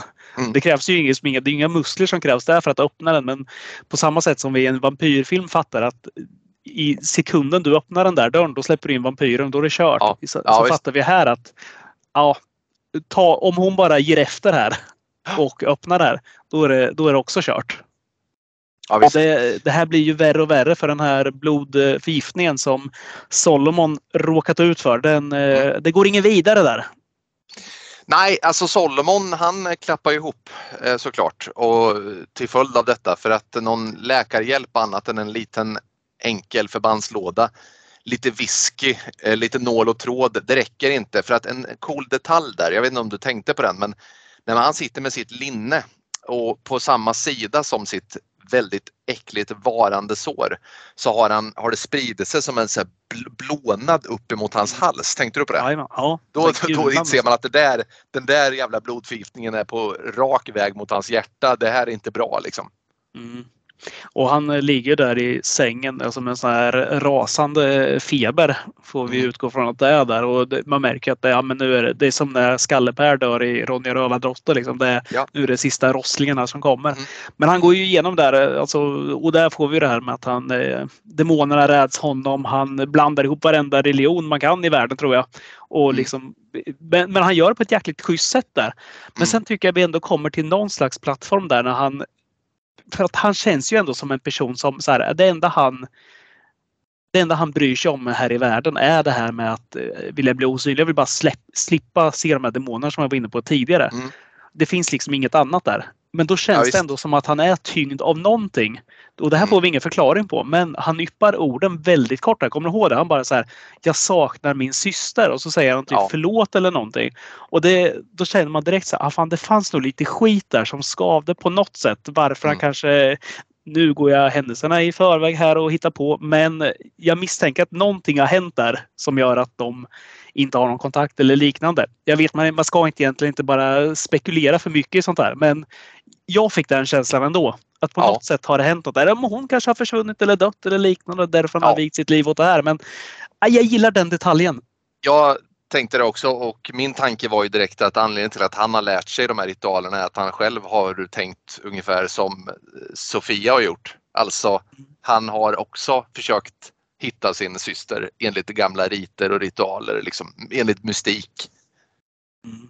Och någonstans där inser väl, alltså eftersom han, det här, han, så här, han verkar ju inte allt för rädd för det här. Att, att döden kommer och tar honom. Nej. Utan det är snarare Nej. som någon slags befrielse här. Mm. Vet du vad som var roligt när jag såg den här filmen? För att komma till det jag ska så måste jag Mm. börja där i början tror jag. Det, ibland, ibland är eh, ödet, ska jag säga, faller, eh, visar sig tydligt för en. Det, min tjej kan grekiska. Det, det är coolt tycker jag. Mhm. Ja. Eh, det, det är också helt onödigt i 99% av din dagliga verksamhet när du bor i Sverige. Men Mm. Sofia betyder på grekiska visdom. Eller vishet. Härstammar Ja. ifrån. Mm. Där föddes, då tänkte, för då sa hon direkt när vi såg filmen. Jaha, då tänkte jag så här. Är det en sån film? Och då, tänkte, då var jag tvungen att googla här. Vad betyder Solomon då? Solomon Mm. kommer ju från eh, hebreiskan och det är Ja. eh, shalom, eh, fred, står ju det för. Ja, Här finner väl, ta- nu övertolkar jag, men någonstans misstänker jag här att Solomon finner ju sin fred här. Han eh, ja, kommer till freds med att han gör den här uppoffringen Mm. eh, genom att eh, ja, bli dödad av Sofia eller den här blodförgiftningen men ändå Mm. finna sin frid. Vilket inte, inte hans frid som han tänkte sig var väl osynligheten då, eller Mm. alkoholen. Mm. Men här blir det den här istället, hjälpande av din medmänniska. Kanske man ska Ja. säga så. Absolut. Jo, men verkligen. Och jag kände väl direkt också att det måste finnas en anledning till att han heter Solomon. Alltså de pratar om det här med kabbalan i början och religioner. Solomon är ju ty typiskt hebreiskt som sagt var. Så att, det- Mm. ja, det där hade man ju och, och, och lite sådär, nu går man lite händelserna i förväg där men vi får väl komma till det som är det stora hotet här då.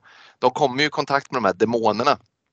Eh, det, alltså, nej, jag tror vi måste börja liksom lite med hur de estetiskt ser ut innan jag tar min take på det där.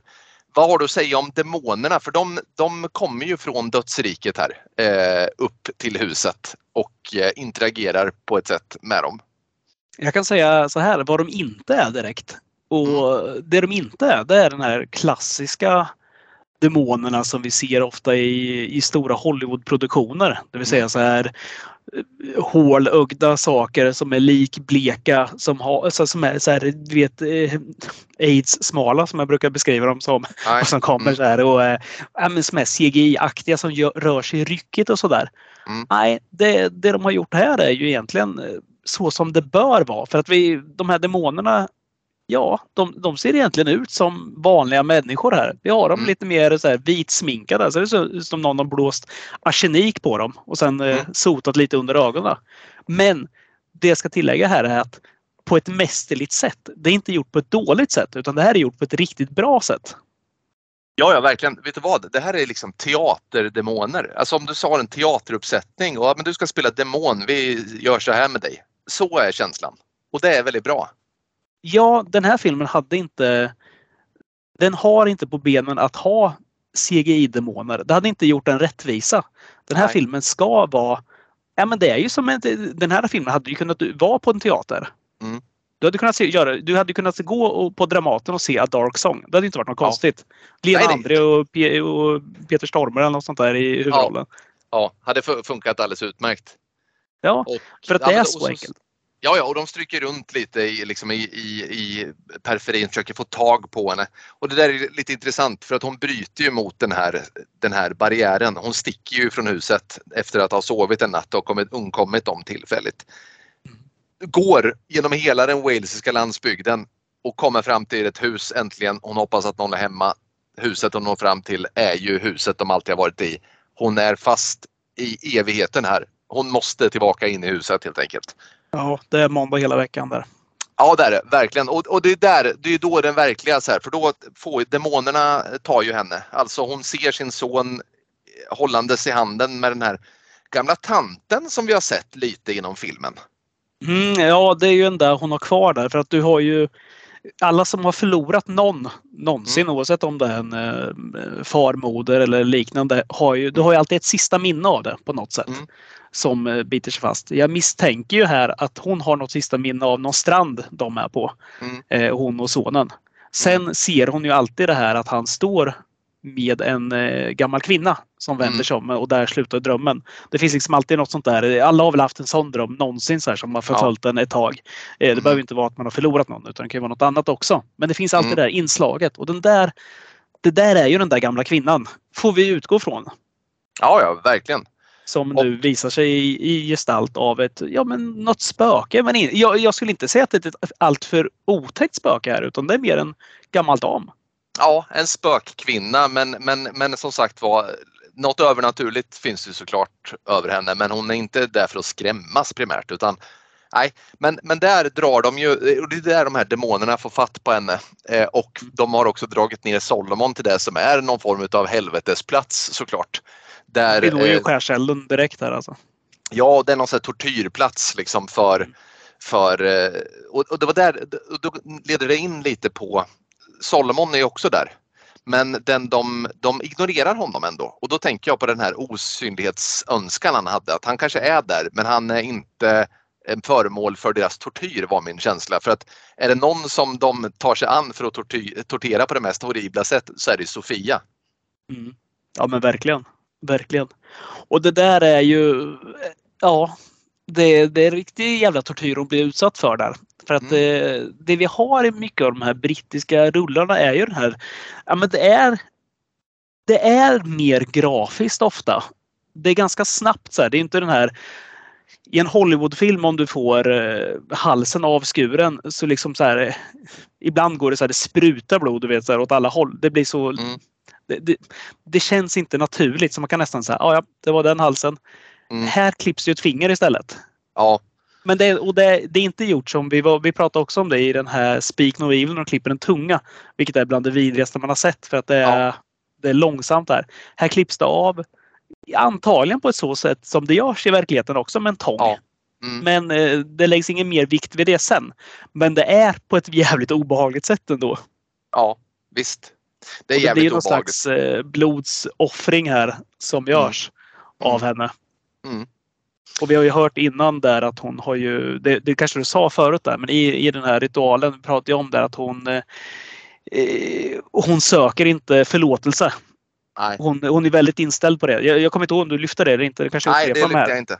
Nej, men vad bra. Men då lyfter vi det här i så fall. För att hon eh, säger ju det till Solomon att jag är inte ute efter att eh, jag vill inte ha viljan att förlåta de här som har gjort det här mot min son. Det är inte det som är hennes utan hon vill veta namnen på dem så hon kan söka hem. Ja men Mm. exakt. exakt. Och han, eh, han kan ju de här ritualerna så han har ju jobb, hittat en väg runt det där. Det är då han får en att dricka sitt blod och så vidare. Ja. Som är någon slags här avstickare för att gå runt det där. Och här, för nu närmar vi oss slutet. Ja. Du, eh, vill du ta oss vidare? Där? Ja men absolut, det kan jag göra. Alltså det är ju här någonstans som hon eh, skriker ut. Alltså för det första så, så, så liksom flyr hon ju undan de här demonerna. Och eh, jag vet inte om hon yppar förlåt, förlåt när hon springer. Eh, det, för det är då, när hon yppar förlåt, som hon ser det här starka ljuset ute i korridoren som hon springer emot. Och när hon når det här ljuset så sitter där en gestalt, en väldigt stor gestalt som sitter på knä och med ett svärd i marken som strålar av ljus. Mm. Och eh, ja, men här finns det också, vi har pratat, det finns många olika sätt att tolka på det här. För mig så är det ju det här ängeln. Om de andra var demonerna så är det här en ängel. Men som vi har pratat om tidigare, alltså Lucifer eh, var ju också en ängel och han var ljusbringaren. Men jag får känslan av ett lite mer godare inslag i den här figuren som väntar där ute. Ja men verkligen. Det här, ja, jag tänker också det här är ju din Guardian Angel som Mm. uppenbarar sig för vi har ju den, hela den här hjälmen också. Mm. Eh, sen kan man säkert tolka det här på olika sätt om man vill det. Men eh, Mm. det vi har pratat om i den här ritualen, i genom hela filmen, är ju att din Guardian Angel ska uppenbara sig och eh, tillgodose din önskan. Så att, men det, den är jävligt cool den här. Alltså, den är, Ja, Men är det inte också så här så att det bara så här. Du brukar ofta säga att den bryter magin, alltså vissa, Mm. vissa scener. Den här är ju, alltså det här är ju, den här är ju, jag vet inte hur jag ska säga det för att det är så oväntat när hon tittar upp det tyckte jag. Jag förväntade mig inte det där. nej. För den här har ju tydliga, liksom, om demonerna var mer så här, det här är väl det mest omänskliga gestalt som vi har hittat. Den sticker ju verkligen ut. Man vet, så att du säger, man vet ju inte vad man ska tycka om den här men faktum är att man uppskattar den ändå till syvende och sist på något sätt. Och den talar ju till henne, eller alltså, rättare sagt den talar ju genom henne på något sätt och hon kan ju då önska det här. Hon kan ju önska sin transformation, hon kan önska hämnd, hon kan önska vad hon vill. Men det hon önskar är vad, Kristoffer? The power to forgive säger de va? Mm. Och det är väl det mest liksom, tydligt liksom, kristna budskapet som vi har fått i den här filmen som är den här okulta magin och, och det som segrar är är den här förlåtelsen. Liksom. För det, kristendomen är ju liksom förlåtelsens religion och den här, den här gestalten ler ju åt henne som att bra, du har fattat grejen ungefär lite grann, får man ju känslan. Ja men verkligen. Det är, eh, jag är ju som sagt, jag är inte särskilt, jag är inte alls religiös på något sätt här. Men när den där uppenbarar sig, man fylls ju ändå med någon slags värme här. Det tycker jag de har Mm. gjort väldigt bra i filmen, rent filmmässigt. Så här, för att vi har haft det här mörkret, den här ångesten, den här Mm. det här gnagande liksom genom hela filmen. Och Mm. Jag vet att många andra filmer hade, som jag kan uppskatta också, skulle kunna Mm. tagit en annan sväng här och bara kastat den helt i fördärvet. Vi hade kunnat få veta att äh, men det var faktiskt hon själv som, äh, men du vet så här, en dålig Ja. dag på jobbet, någonting slog över, hon hade ihjäl sin egen son. Så Ja, hade det precis. kunnat sluta. Och Ja, jag hade visst. suttit och varit så här, jag är inte jätteförvånad, fan vad hemskt det här var. Och nu Ja. måste jag gå och krama mina barn för nu, Ja, ja nu mår jag dåligt. Men- det, det, det var väldigt befriande då att se den här tycker jag. För att det- är någon slags värme som uppenbarar sig där. Även om det här är någon, här, någon slags jätteängel då som dyker Mm. upp där och bara ger ett litet leende. Och man ser liksom att för henne känns det som att bara allt släpper från axlarna. Så här, allt är borta. Det är bara så här. Ha! Mm. Det, det är bara som en jävla orgasm rakt ut Mm. bara. Så här. Ja. Nu är jag av med allt det här. Jag, jag fattar vad det går ut på. Nu är jag större än det här problemet. Jag, jag, jag förstår liksom till viss del vad, vad kristendomen går ut på när jag ser det. Nu låter det Mm. helt förmätet att säga sådär men ja, jag tyckte det var för jävla fint bara. Fa- Fast jag, fast jag tror det är så. Jag, jag tror ju inte liksom... eh, Jag, jag tror inte att det, be, det behöver vara mer konstigt. Jag, jag tror det är precis det som du säger nu som regissören vill förmedla. Jag, jag tror att han bara vill liksom förmedla möjligheten att gå vidare genom förlåtelsen och sen just det där med ljuset och allting. Ja, men alltså, det behöver ju inte vara, alltså, man behöver ju heller inte se det med religiösa glasögon överhuvudtaget utan det, det, du kan ju se den här ritualen som hennes sorgebearbetning. Sen når hon ljuset som betyder att hon är eh, ute ur den här värsta sorgen som hon alltid kommer bära med sig men hon är ute på andra sidan. Men oavsett om du är liksom religiös eller inte så tror jag att eh, alla typer utav sorger och motgångar måste du försonas med. Även om det inte är inför en liksom högre makt så i alla fall inför dig själv. Du måste försonas för att kunna gå vidare. Är du kvar i din bitterhet och liksom din, ditt självhat så kommer du aldrig vidare och då behöver du inte ens blanda in religion i det hela. Liksom. Ja, men precis. Så är det verkligen. Nej, men det är så jag också tolkar det där. Nej, men för det finns eh, det som sagt, den här filmen ger ju verkligen utrymme till att tolka precis hur du vill. Du kan ju säkert se som en rak film om en Mm. ritual bara som, eh, Mm. och någon som uppnår förlo- förlåtelse Mm. sen. Eller som Mm. pratar med, med, med en demon, en gud eller vad det nu är för någonting. Mm. Eh, men men jag, jag tycker när jag, jag var tvungen, jag sa det till dig igår också, där, jag var fan tvungen att se vissa scener igen där för att det kändes Mm. som att så här, ah, men här måste det vara något jag missar bara. Mm. Men han förklarade ju ganska bra här, Solomon, i början av filmen. Han förklarade ju den här ritualen att eh, med den här femcirkelcykeln. Kommer Mm. du ihåg det? När de, Ja. ja. de ritar upp massa cirklar och det, det ser ut som en så galen forskares anslagstavla till slut, det här Mm. golvet. För att det är, Mm. det är ljus och allting. Men han pratar ju om att de här fem cyklerna, att det är the chamber of effect pratar han om. Mm. Eh, och det är väl då att det, det, här, där vi förseglar vårt själ från världen. Jag, jag tolkar ju det som att det är det de gör i början här när de tar huset. Eh, Mm. och eh, stänger in sig själva liksom. De är ju själen och eh, de stänger in sig själva från omvärlden med allt salt runt här. Eh, allting. Det, det är min tolkning av det. Men, men sen kommer vi till den här The Chamber of Song som man pratar om också. Och det är ju de här olika rummen som du pratar om att de har i huset. Mm. För att varje rum har ju en viss betydelse. Han kastar in lite grenar där och renar det på olika sätt. Då. Mm. Eh, och det är väl där liksom vi, vi skjuter iväg liksom, alltså ut i tomrummet på vår resa på något sätt. Liksom, eh, i det här. Och det är väl där eh, även filmen tar sin titel då, den här Den mörka sången. Ja, Eh, alltså, alltså att hon, eh, hon går in i den här ritualen, vil- vilket hon måste göra tills hon är helt ärlig, tills hon är helt ren. Och sen tar vi oss vidare till The Blackness, kallar han nästa cirkel tror jag, om jag inte minns det. Helt Ja. fel. ja, Eh, och det är väl där hon upplever då döden som Ja. eh, han skickar henne till lite kort där. Hon dränks ju. badkaret, eh, ja precis. Precis. Och han kniv, blir ju knivhuggen. Eller Mm. eh, faller på kniven. Hon hör ju sitt barn bli eh, sönderslitet av en hund. Alltså det är för jävla vidrigt det där. Ja, För att ja, vi ser ju inget. Utan Mm. vi hör ju bara egentligen en hund hugga ihjäl ett barn får vi anta. Ja. Eh, och hon hånas lite av den här skuggdemonen då, eller vad, vi kan kalla det.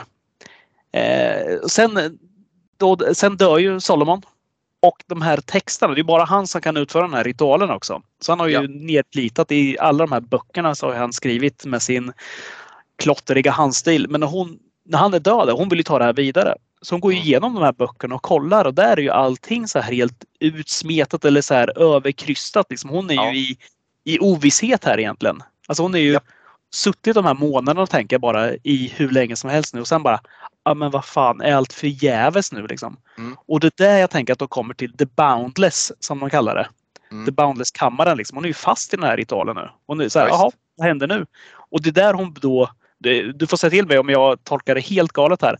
För att eh, du var inne på det också, att hon flyr ju från huset. Mm. Och fastnar liksom i någon slags tidsloop här eller liksom, ja, hon kommer tillbaka till huset vart hon än går. Mm. Så att hon är ju liksom i ovisshet, i bara utkastad där. Och sen Ja, kommer hon till här the tangible. Och det är väl alltså påtagligheten då eh, på svenska. Påtaglighetens kammare. Och det här hon blir hon blir överfallen av demonerna. Eh, fysiskt och psykiskt. Men, men till slut så kommer den där, alltså då manifesterar sig den här demonen, Gud, uppenbarelsen också. Mm. Så jag tycker ändå alltså filmen förklarar sig faktiskt ganska bra i början när han säger de här sakerna. Men fan, för mig krävdes det verkligen en omtitt på de där grejerna för att ens sätta mig in i det. Vad fan det var som hände. Men eh, det där, jag såg den alldeles för sent också. Så att jag Ja. inte kanske riktigt med. Men eh, jag gillar det där ändå. Jag gillar att det finns en, en röd tråd genom hela filmen. Och att det kanske inte är Alltså det är inte Nolan-aktigt allting. Det, är liksom allt, det finns någonting som går att ta på. Ja men verkligen och det här är ju en, eh, alltså det här är en väldigt konstnärlig film ska sägas. Den här är inte skapad som en så här klassisk historia som, eh, som, som du vet bara tuffar på och så finns det bara en väg att tolka det hela utan det här är ju djupt konstnärligt. Varje scen, varenda liten detalj har eh, en innebörd. Jag har säkert inte förstått hälften. Jag skulle säkert behöva se om den, vilket jag inte alls är främmande för att göra ska jag säga, för den är jäkligt hypnotisk. Eh, men jag, jag gillar också att eh, jag kan vara sådär, jag kan också uppskatta öppna slut. Men jag vill ändå liksom ha, även om man kan tolka det öppna slutet på många olika sätt så, så gillar jag att den här filmen ändå presenterar någonting. Den finns någonting för dig att ta ställning till. Och Verkligen. jag tycker att allting leder till det här slutet. Ja, men som sagt, du behöver inte tolka det religiöst. För mig så vart det en, liksom religiös tolkning. Jag tänker på alla de här människorna som har läst om som har legat för döden och sen på något sätt så vänder sjukdomen eller någonting och de vittnar om den här värmen, det här ljuset som man nästan ville dras till hellre än att komma tillbaka till denna värld. Det är där någonstans hon är och det är ju, att man ens kan filma det på ett så bra sätt det är ju obegripligt faktiskt. Ja, men det är vackert där. Det, det är det faktiskt. Det är, för att det där är också något så här. Det gör en film för varm, alltså för så. Då finns det ju ingenting att ta på för du kan aldrig trumfa liksom. Du sätter värmen för, för tidigt i en film. Allt Ja, för precis. ofta. Det blir liksom för glatt och för glättigt. Så här. Men ja, jag fattar att allt är perfekt men det kan liksom inte. Det finns ingen platå upp. Därför tycker jag om sådana här filmer som placerar oss, ja, men jag ska inte säga att vi är på botten, men vi är fan mig så nära vi kan komma. För att Mm. hon, eh, hon lever ju någon slags Ja, men, eh, vad ska man säga? Så här, hon, hon svävar ju någon slags eh, ingenmansland där. Liksom, så här, hon har ju, saknar ju betydelse. Hon har ingen, eh, det finns inget, inget hon vill i världen. Förutom att prata med sin son egentligen för att ta sig vidare. Och det tycker jag liksom så här. Okej, men för att nå dit då måste vi bryta ner det till absoluta rock bottom här. Och det är det de Ja. gör med de här demonerna. Jag gillar den biten. Jag tycker det är mässligt. Jag älskar det i böcker. Jag älskar det i alla såna här sportsammanhang och allting. Jag älskar att se en underdog bara pressas ner. Jag älskar Rocky för att han liksom blir nedpressad så hårt och sen liksom tar sig upp och slår. Alltså David och Goliat historien. Det är det finaste vi fan har i film och Ja, ja. bokväg tycker jag. Den, eh, den blir aldrig tråkig. Och om man då jämför den här filmen med andra mörka filmer som vi har pratat om i den här podden, då, då kanske vi börjar på sam, i samma mörker. Skillnaden är bara att där går du mot avgrunden många gånger. Alltså det finns inga ljusglimtar, det finns inget hopp. Du inser bara att det här kommer gå åt helvete. Här har vi också ett hopp i den här filmen. Jag tycker att det finns ett tydligt hopp att hon ska få, alltså vad det nu är, att hon ska få prata med sin son, att hon ska få träffa sin son och kunna be om ursäkt, att hon ska få liksom frid. Det är det filmen strävar efter och, och i slutet får vi den där friden och det är det som gör den här filmen mycket mindre, alltså mörkret är inte lika kännbart för att du lämnar filmen med känslan av hopp och ljus liksom och det tycker jag är skönt. Mm. Jag gillar liksom att hon inte får prata med sin son heller. På det Nej, det sättet. blir Utan, inget av nej, det blir ju inte det. Utan hon måste hitta den här eh, den här förlåtelsen eller den här Alltså vad ska man fan säga? Jag, jag hittar liksom inte orden Ja, man måste riktigt. men, eh, försonas med det här som har hänt. Ja, liksom. men precis. Försoningen kommer inte Mm. genom eh, sonens röst igen utan det är hon själv. Hon liksom, det är sitt inre hon måste tampas med. För att det, det, det är inte där, det är inget utanför liksom som, som är problemet utan det är henne själv. Liksom. Det är bara hon själv som kan lösa det här.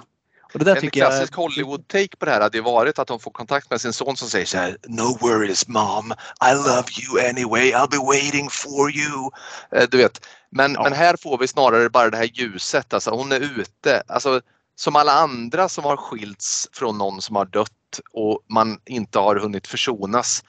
Ja, vad ska du göra som kvarlevande då? Det finns ju ingen annan. Antingen så får du liksom hänga dig själv eller så måste du gå vidare på något sätt. Och det är skönt att hon kan göra det på något sätt i den här filmen. Ja men verkligen. Har du någon eh, sådär favoritscen i filmen som du tyckte så här, fan det här var riktigt jävla schysst eller något som Ja, var jag sämre? tycker alltså, att hela filmen är full av de här scenerna. Eh, Alltså, men om jag ska ta en som utmärker sig på positivt sätt, alltså med, på skönt sätt så är det ju, nu har vi ju stannat kvar vid den här, men när hon ser det här ljuset och kommer in i det här rummet så tycker jag att det är mästerligt filmat alltså för att den, den scenen bryter så mycket mot det här kompakta mörkret som vi har haft. Så att den är en så jävla befrielse. Eh, att hon liksom, och när hon har fått den här förlåtelsen så här, det, det, det, är som en liten, det är som en liten bäck som kommer, du vet en så här varm källa så här. Man verkligen känner att hon är ute ur den här skiten nu liksom. Mm. Ja. Eh, men, men, men sen finns det ju, alltså pratar vi om skräck, eh, liksom, jag, jag tycker ändå att det är lite ruggigt när eh, en scen som jag kommer ihåg är ju när hon är tillbaka, när hon har liksom gått i den här tidsloopen och är tillbaka i huset och hon sitter uppe i trappan där med ett litet ljus och sen bara kommer det två, så ligger Solomon där nere, så kommer det två händer och så här drar honom bort så här. Då inser man att nu är du i mörkret. Där är det som mest skräckartat faktiskt tycker jag. Så att den scenen uppskattar jag också. Mm. Ja, de är schyssta. Jag eh, tycker att eh, för, för, jag kan börja så här. Jag tycker inte att den här filmen har någon scen som jag tyckte var dålig. Och det är faktiskt ett, eh, ett under. Jag brukar alltid hitta någon scen som jag tyckte så här, men det här var fan inte bra alltså.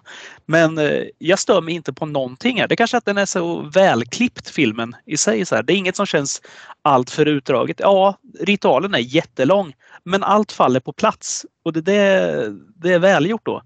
det jag tycker är väldigt bra, det är, vi pratade kort om det innan också här, men när hon pratar med den här demonen då som utger sig för att vara sonen. Mm. Så kommer det så jävla schysst det här. Alltså den, eh, det citatet måste jag ta bara som eh, den här alltså man hör ju hans röst där. Hon sitter och pratar med honom och hon fattar ju att det är en demon och demonen eh, fattar ju att hon vet också det här. Japp. Eh, Då säger han ju så, så här och hon eh, eh, han säger så här. They are not my killers. I'm just some cunt using your son's voice to make you afraid. Det där satte sig hos mig. Jag tycker det var Ja. vrålbra skrivet det där. Mm. För att det, det, jag tolkar det på, olika, eller på, på sättet att hon liksom... Man fattar ju att den här ritualen funkar. Och om den funkar i att den funkar som en ritual ska eller att det funkar på det sättet att hon blir galen. Mm. det, det låter jag vara osagt. Men hon fattar att hon håller på att bli galen eller att, hon fattar att hon fattar att den här demonen är demonen. Mm. Liksom att så här, ja, men nu är det jag som är galen. Så här, det är bara någon som står utanför och jag hör din röst fast jag fattar att det inte är du. Och jag tycker det är så härligt att det ordet som används är just kant, alltså fitta.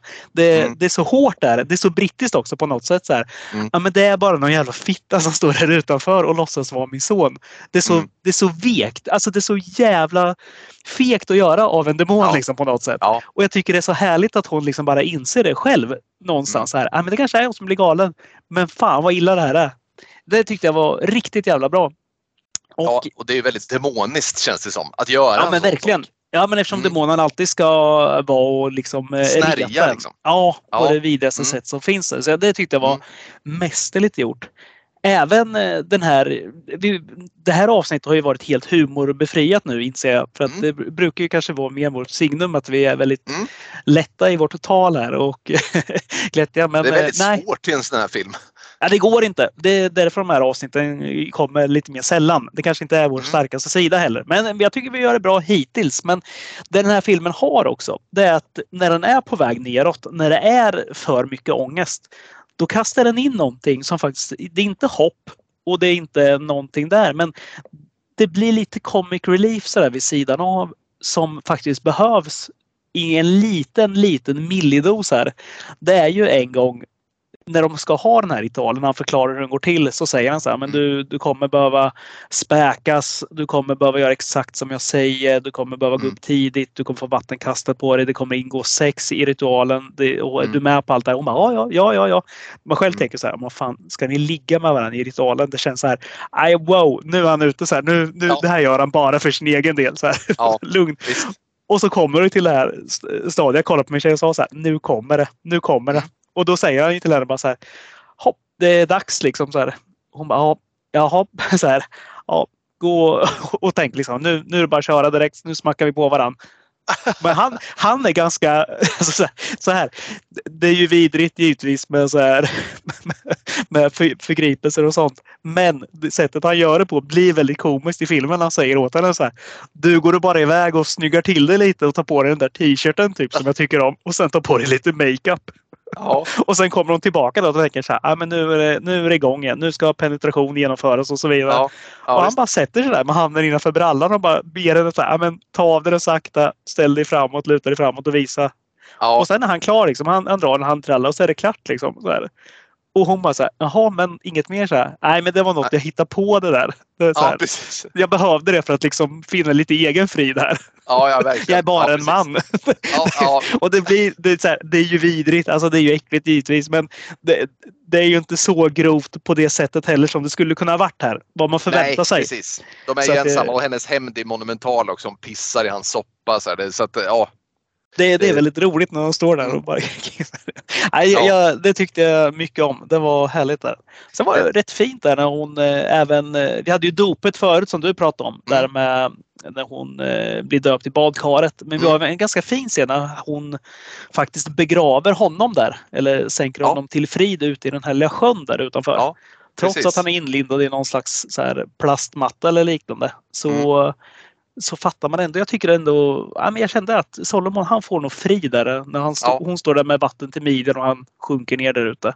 Ja, Ja. ja, det gillar jag. Nej, det är väldigt, eh, väldigt bra. Väldigt bra. Men du, eh, nu har vi pratat länge om den här filmen. Vill du sy, sya, vill du knyta ihop säcken och eh, ge ett litet betyg till den här filmen? Nej, men jag ska inte vara långrandig. Jag, jag gillar ju brittiska filmer, det har jag sagt 10 000 gånger. Och jag, det här är ju en film som bara gör att jag gillar det ännu mer. Jag älskar den här filmen. Jag älskar långsamma filmer. Jag gillar välspelade filmer. Jag tycker om när vi får tänka oss själva vad som händer och inte alltid få det kastat i ansiktet på oss.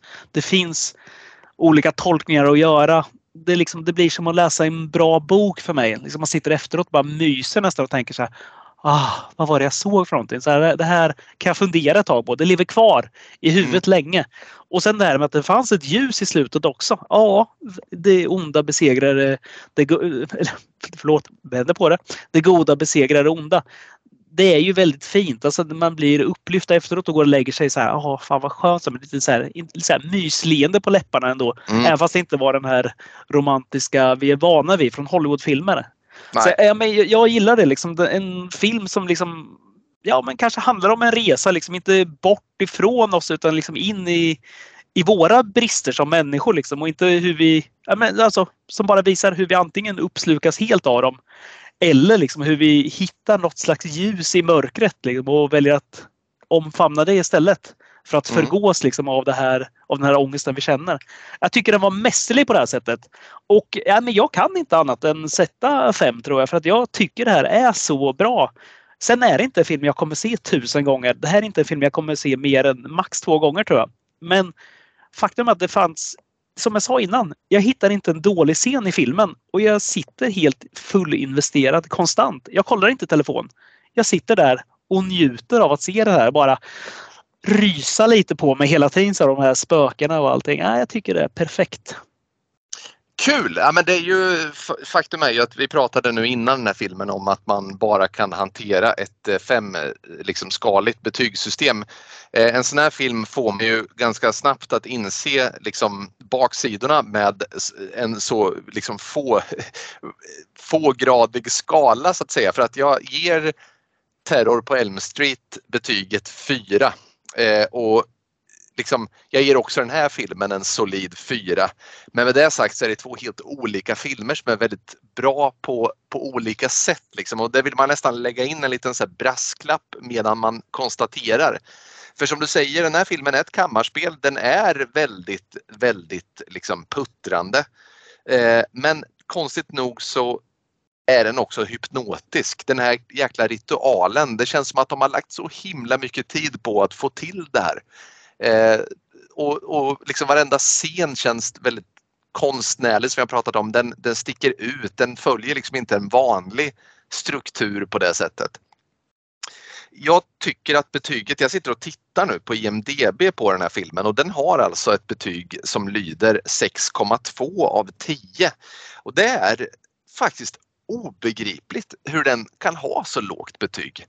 En eh, film som eh, den här flyger ju många förbi garanterat och den är alldeles för långsam för många generationer. Vågar jag sätta mina pengar på? Ja, men det är ändå, det är ändå så här.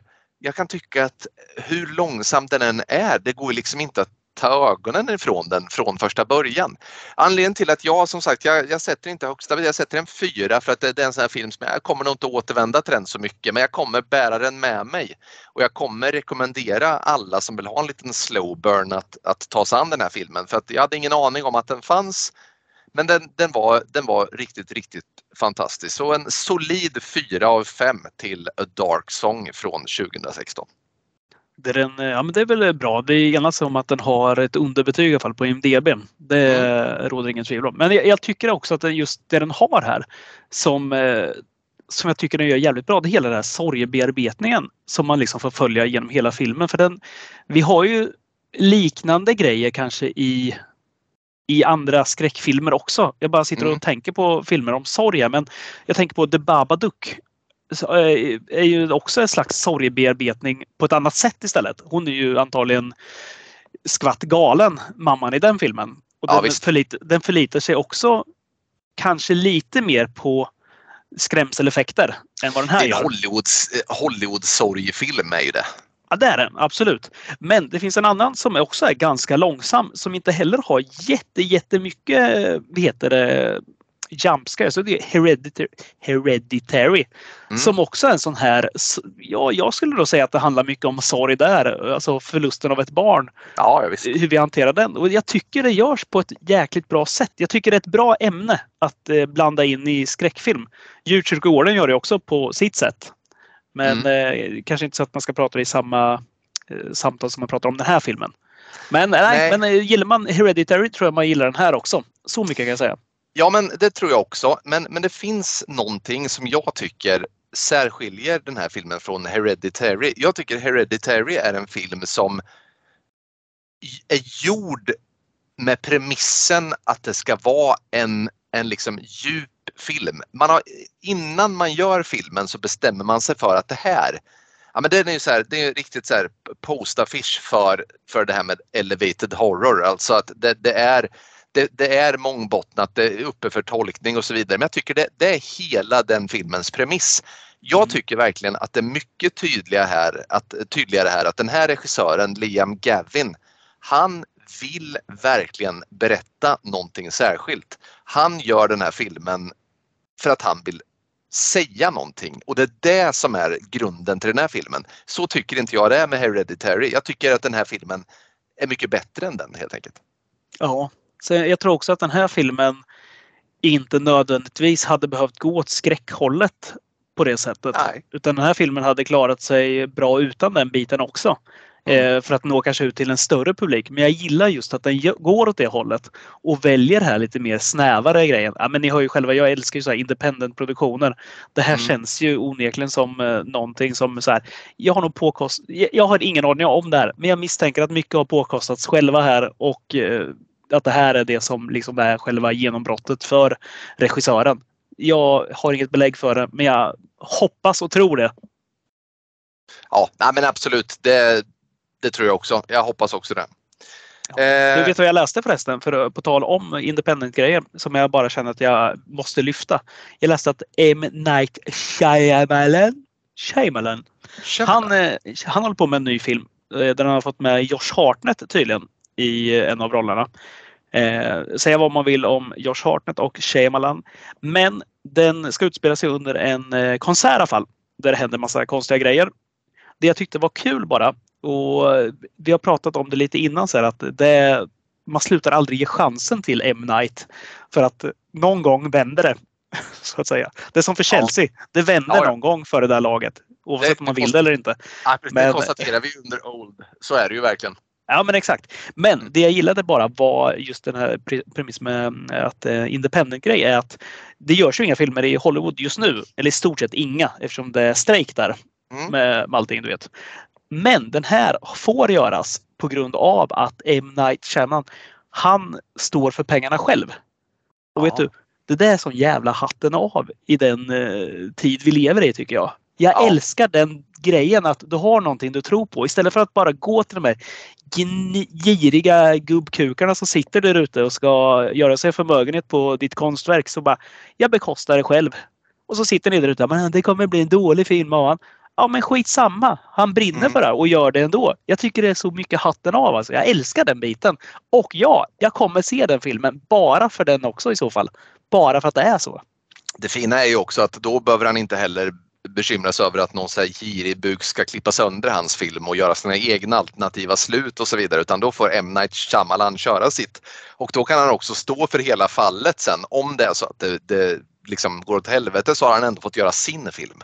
Ja, verkligen. Det- Alltså det, det är ju så sjukt det där. Så här, Michael Bay kan sitta fortfarande, så här, det är strejk och allting. Så här, ändå kommer någon slänga ut så här, 2-3 miljarder på hans nästa film. Som Mm. handlar om så här, någon som trycker ut en bajskorv i guld eller något sånt där med amerikanska flaggan runt sig.